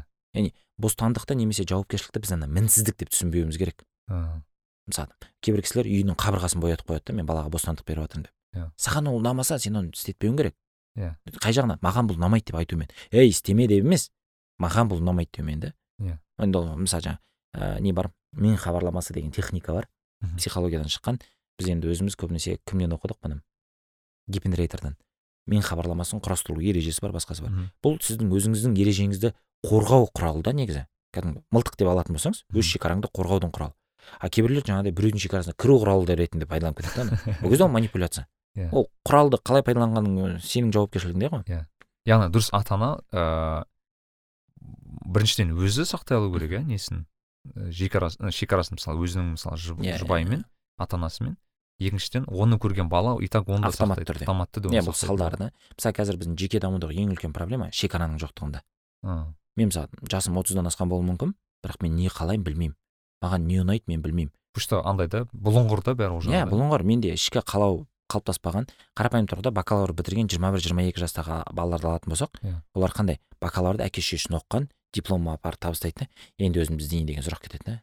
Вот мен білемін сондай достарымды иә. ол не деген сөз? Ол ол кезде оны табу қиындау да? Өтіп кетті ғой кезең.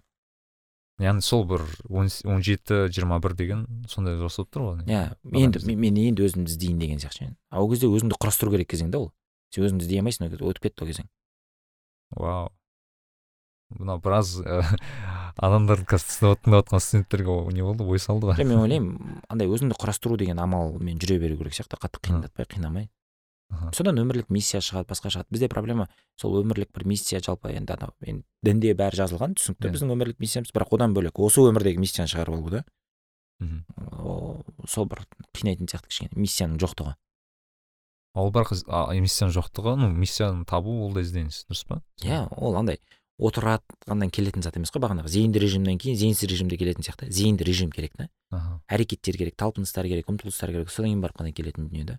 Мына мына мына зат бар ғой мысалға қарашы. Ыыы тесейдің кемесі деген не бар? Философияда тапсырма бар да. Тесей ол кезінде ана минотаврды өлтірген кейіпкер да аңыздағы. Соның жаңағы кемеден ке, ке, ә, жаңағы сол минотаврды өлтіріп келген кемесін сайтсиинг дейді ғой. Сол сияқты ретінде қойып қойған екен да. Елдің бәрі келеді көреді. Ол уақыт өте тозады. Сөйтіп оны алмастырады түрлі заттарға. Жаңағы жақтауын ауыстырады ескегін ауыстырады желкенін ауыстырады деген сияқты. Сосын бір күні бір философ алаңға халықты шақырып алады айтады. Біз мына кеменің дейді бүкіл бөлшегін ауыстырып тастадық. Мхм. Бұл бөлшектерге тесейдің қолы тимеген. Иә. менде сұрақ мынау тесейдің кемесі ма дейді ғой. Иә. қалай ойлайсыз? Тесейдің Иә. кемесі ма кемесі емес иә деп айтамын. Халық бөлінеді сол жерде. Тесейдің кемесі дейтіндер болады тесейдің кемесі емес дейтіндер болады. Бұл одан әрі күрделендіреді. Бұл жаңа бөлшектен құрастырылған ескі кеме. Енді біз ескі бөлшектерді алып тастап жатқан кезде біреу сол ескі бөлшектен жаңа кеме құрастырып алған болса енді екі кеме тұр да? А о. Ескі бөлшектерден құрастырылған жаңа кеме. Мынау тесейдікі ма мынау ма? енді сұрайды енді қайсысы тесейдікі деп ше? Кәдімгі адамдар абдырап не не айтарын білмей қалады. Сол кезде қателеспесем аристотель ма? Шығады да айтады. Ә, сен қазір екі мәселені талқылап жатрсың біріншісі шикізат одан кейін форма. Иә. шикізат ол жақтау желкен түсінікті а форма кеме. Иә. сен осы заттардың құндылығын ә, не қылып жатрсың дейді да анықтап жатрсың Аха. бірақ үшінші элемент бар дейді. Аха. мән суть. Суть. Мынандай болуы мүмкін дейді да. Суть өзгермесе шикізат өзгерсе тіпті форма өзгерсе де суть қалса адамдар бәрібір соны атайды дейді егер мысалы бағанағы бір ескекті алып тастадық біз лақтырып тастадық ескіні оны біреу үйіне апарып дастарханға астау жасап алған болса ешкім мынаны астау деп айтпайды бұл тестейдің кемесі деп айтады дейді да Мм. немесе жаңағы желкенін үйіне апарып перде қылып іліп алған болса ешкім перде деп айтпайды оның формасы да өзгеріп кеткен болса да шикізат емес бұл тестейдің кемесі деп айтады дейді да Мгм. сутьта дейді бәрі мән болса форма да өзгере берсін шикізат та өзгере берсін. Енді осыны адамның өміріне салатын болсақ біздің мысалы күнделікті жаңағы скиллдарымыз дағдыларымыз ол шикізаттар ғой. Мм. мен хард скилл қандай білемін софт скилл қандай білемін қандай шет тілін білемін білмеймін. Оның бәрі менің жаңағы шикізаттарым. Енді мен одан шығатын формам бар да жаңағы педагог тренер деген сияқты. Немесе жаңағы learning эксперт деген сияқты немесе жаңағы әлеуметтанушы немесе қазір неше түрлі инстаграмда не формалар бар ғой. Иә, жаңағы биолог деген сияқты. Естігенсіз ба ондай. А биожазатын кісілер. биожазатын кісілер биорайтын қазіргі заманғы биолог сол сияқты түрлі формалар шығып жатыр да жаңағы. Сторис мейкер анау мынау деген сияқты оның бір. Бірақ мәселе бағанағы мәнде өмірлік миссияңда да. Иә. мән өмірлік миссияң. Егер сен өмірлік миссияң болатын болса сенің формаң да өзгере беруі мүмкін да. Яғни суть бағанағы мән Иә, осы жерде жатыр. Яғни сен сол мәнің болса тағам да болады. Мен мысалы осы өмірде жеткім келетін бір мысалы там илон масктың мынандай ғой марсқа барғысы келеді оның сути да ол. Мгм. И ол ол жолда формасын өзгерте беруі мүмкін ол қырғын бизнес аша беруі мүмкін әртүрлі нарықтағы бизнеске кіріп кетуі мүмкін да. Ол не үшін кіріп жатқанын біледі өйткені оның мәні бар да. Тура сол сияқты мен қазір осы ә, мысалы бала баланың кішкентай кезіндегі ана балалық шақтағы бақытын қорғау деген менің өмірлік миссиям болатын болса Мгм. мысал ретінде мен оны қорғау ретінде мен қазір педагог тренерді ең ұтымды форма ретінде көріп тұрмын. Айталық менде бір балабақша ашу мүмкіндігі пайда болатын болса мен формамды тәрбиешілікке ауыстырамын да. Иә. Ана миссияның жолында.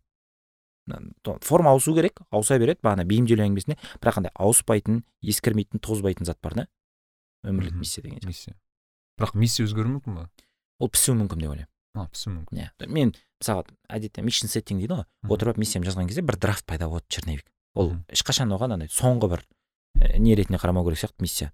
Ол мен осыны алғы ретінде қараймын. Содан кейін менің өміріме қаншалықты әсер етеді? Мысалы мені кедергілермен күресуге жігер сыйлай ма ол миссия? Күнде таңертең бесте төртте тұруға мүмкіндік бере ма мен теппей жатса ол қағаздағы зат та менің жүрегімде емес ол. Мен оны пісіремін одан бір кісілер айтады ғой мысалы мен соны түсіну үшін ана таңертең тұрады дейді да. Миссиясын қағазға жазады. Егер сол сол миссиясы оны таң келесі күнге яғни заряд берсе значит ол дұрыс Иә, миссия иә. деп түсінеді ғой. Бізде көп андай бір идея болуы мүмкін бір қозуымыз мүмкін мә күшті деп ұйықтап тұрғаннан кейін суып қалады ғой. Онда ол миссия емес та. Піспей жатыр яғни миссия адам ішіндегі отты бүйтіп. Иә. не істеу керек жандыру керек сарқылмас күш көзі ғой. Мхм. Вау. Иә баршаңызға соны отты табуыңызға тілейміз. Құрастырып алуға. Құрастырып алуға. Ескендір аға күшті отырмыз. Ә, менің ойымша бір білмеймін қанша уақыт отырмыз мен уже байқамай отырмын. Екі сағат болып қалды ау екі сағатта отырғанбыз кітаптарға байланысты. Ә, бізде ну қазір блиц сұрақтар бар. Әр сұрақ қоятынбыз. Әр қонаққа сұрақ қоямыз. Қазір бізде күшті м, партнер проект бар. Қазына kz Ә, кітап кітап дүкені білесіз.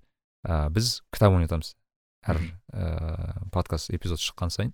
Енді оның шарттарын біздің инстаграм парақшамыздан білсеңіздер болады. А бірақ кітапты сіз таңдауыңыз керек. Қандай үш айтайық бір үш кітапты ойнатуға болады сіздің ойыңызша? Мен ұсынатын енді мысалы жеке даму тақырыбында ұсынатын үш кітап бар. Ол ыыы, үнемі мен ұсынатын кітап. Барбара окули жаңағы думай как математик ол қазақшасы бар ма ол кітаптың? Өкінішке қарай жоқ. Аха. Біз оның сол кезде аудару идеясы болды бірақ авторлығын ала алмадық. Барбара окулидің өзінде емес екен баспада екен да авторлығы.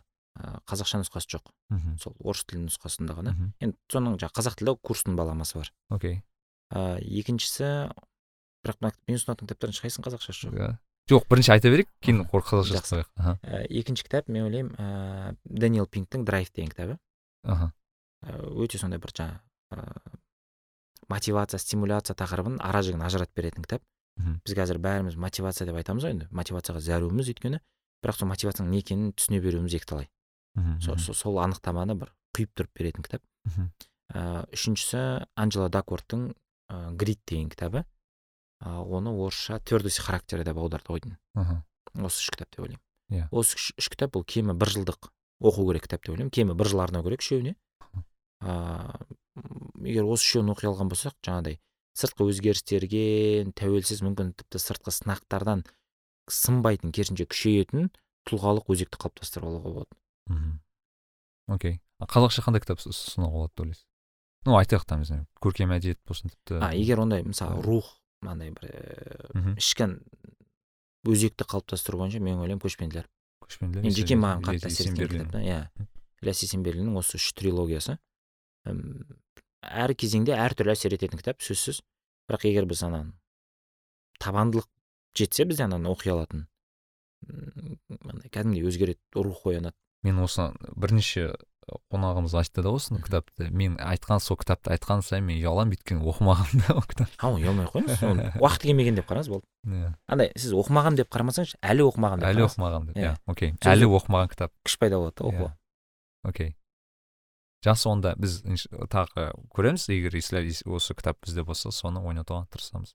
Ә, бір екі сұрақ сізге. Мысалы соңғы айтайық бір жылдың ішінде өзіңізге бір жасаған жақсы инвестицияңыз қандай болды деп есептейсіз? Мысалы айтайық кітап болсын не болсын курс болсын бір өзінің бір пайдасы жақсы тиген деген сияқты.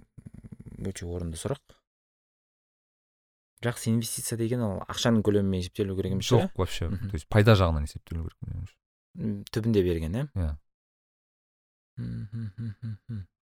соңғы жылдар емес жалпы енді білмеймін екі мың он үштен бері қарай алдым да. Тұлғалық даму жеке дамуға дейін қойған зейін қойған сәттен бері қарай алдым.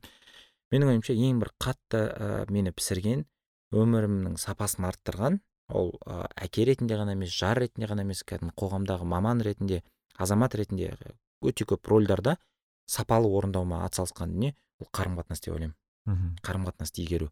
Сол қарым қатынас тақырыбында арнайы мысалы мен менторым болды. Сол кісіден үйренгендігім сол кісіге мен өткізген әрбір сәтім әрбір минутым әрбір жұмсаған тиыным болсын әрбір кеткен күш андай кемі бір он есе ақталған шығар. Мхм енді ал мысалы бизнес ретінде басқа ретінде де ол жақта да, да пайда бар. Мен ойлануыма қатты әсер еткен бірақ дәл осы қарым қатынас менің ойымша ең маңызды. Бір андай ең көп пайдасын берген. Қызығы мынандай болуы мүмкін. Ә, мен мысалы іскерлік әдебиеттерге одан көп ақша жұмсаған болуым мүмкін. Мхм. біз мысалы ай сайын кітап алуға тырысамыз мысалы балаларға өзімізге. Бірақ анаған ондай ақша жұмсаған болуы мүмкін бірақ өмірім содан көбірек өзгерді да. Ол қандай мысалы ол курс па немесе кітап па ол қарым қатынас жайлы ә, бұл жерде көп зат болды енді ол жерде мысалы менің сол жердегі жеке ситуацияма қарай ә, сол басындағы ерекшеліктерге қарай ұсынылған кітаптар кинолар менің сол кездегі проблемама қарай жаңағы істеу керек әрекеттер болды. Енді ол мынандай сияқты менің кейін біреуге адамға тура келе бермейді да иә иә. Әркімнің өзінің бір несі бар ғой иә. менің ойымша дәл осы қарым қатынас деген адами дағдыны дамытатын болсақ қай салада болсын қай рөлімізде болсын сапамыз артады деп ойлаймын да. Дұрыс. Иә бұл да мықты инвестиция негізі былай. Недооцененный инвестиция деймін. Иә. қазір қарасаңыз негізі біздің қоғамдағы көптеген келеңсіздіктер іскерлік әлемдегі болсын отбасы әлеміндегі болсын қарым қатынас құра алмауымыздан ғой. Қарым қатынасымыздың шикілігінен да керемет ааа уф күшті айттыңыз так менде соң енді соңғы емес енді осы біздің подкастымыздың ә, мүмкін несі шығар ә, бір қорытындылай келетін сұрақ. Ол андай более абстрактный сұрақ та. Мысалы айтайық ә, біз қаламызда осы алматыда тұрмыз қазір. Алматыда білмеймін әл фараби көшесі болсын абай көшесі болсын ең үлкен баннер бар дейді да. Бүкіл қалаға көрінетін дейді. Барлық машине көретін адам көретін деген сияқты. Және сол баннер сіздікі да. Яғни кез келген зат қоя аласыз бірнеше баннер деп айтайық даже. Бір қандай бір месседж болсын қандай бір ой түйін бір бергіңіз келеді адамдар оқыған кезде көрген сайын соны ой мүмкін ойланатын деген сияқты. Сіз жаратылысыңыздан ғажапсыз. Керемет өмір үшін сізге керектің бәрі сізде бар. Осы нені? Осы месседжді әдемілеп әрлеп ұсынатын еді деп ойлаймын. Иә. Күшті. Осындай бір біреу баннермен айналысатын адамға құлағына құлағына алтын сырға деп па? Иә керемет ыыы ескендір аға көп рахмет. Осындай бір уақытыңызды бөліп келіп бізде кстати еркін аға ескендір аға біз нені бердік айтпақшы ыыы голланд тілінде. Иә сыйлығыңызға рахмет. Иә голланд тілінде не бар абайдың қара сөздері зифа әуезова аударған. Зифа ханымға көп рахмет. Неміс тіліне қатты ұқсайды екен. Неміс тіліне ұқсайды иә өзі. Ескендір аға менің ойымша неміс тілін білгендіктен иә. менде андай бір не бар да ә, хобби деп айтуға болатын шығар. Аха. Енді кездессеңіз болады эфирден. Ыыы белгілі бір шығармалар бар. Соны түрлі тілде немесе әртүрлі баспасын жинаған ұнайды да иә соның ішінде көшпенділерді солай жинаған ұнайды әртүрлі мысалы бес алты хан кене болуы мүмкін да немесе жеті сегіз алмас қылыш болуы мүмкін. Әр жылы шыққан баспасы да. Иә. Сондай бір немесе әртүрлі тілде. Сонысы ұнайды сол коллекцияға қосқан үлесіңіз ретінде мың алғыс иә көп рахмет. Тыңдармандар көп рахмет. Ескендір аға инстаграмда жазылып қойыңыздар. Керемет ііі тікелей эфирлер видеолар салып тұрады. Посттар бар. Посттар салмай кеттіңіз соңғы уақытта? Мен сол инстаграм андай ыыы жақсы ма жаман ба білмеймін бірақ өмірімнің бір бөлшегі емес екенін түсінемін да. Ұмытып кете беремін инстаграм бар екенін. Адамдар ұрысып жаңағы қасымдағы әріптестер инстаграмға кірісейші деген кезде барып кіріп тұрамын. Мен ана бір уақыт болды сізде активно прям посттар жазып сондай болды да кейін. Бір апталықтар істеген иә апталықтар жасап бір кәдімгідей посттар ана слайд сияқты бүйтіп менде андай көп ыыы архивта жатқан посттар көп сосын бір шығару керек еді ау деп жүрген бірақ мысалы мынандай азаннан кешке шейін жұмыста жүресіз сосын кешке үйге келесіз сосын бала шаға ана инстаграм қай жерге қыстырылу керек екенін ұмытып кете беремін да иә бір не ойлаймын дейін қойып кішкене бір қолға алу керек иә не болса да ыыы ескендір аға жазылыңыздар ыыы я так біздің проектпен бөлісіп жүріңіздер кітап бағана айтқан кітапты ұтып аласыздар. Сол баршаңызға көп рахмет ыыы пайдалы болды деп есептеймін. Өз басыма әсіресе пайдалы болды. Көп рахмет. Сіздерге де ыыы бүгін айтқан сөздер мүмкін пайдасы тиеді деген ойдамын.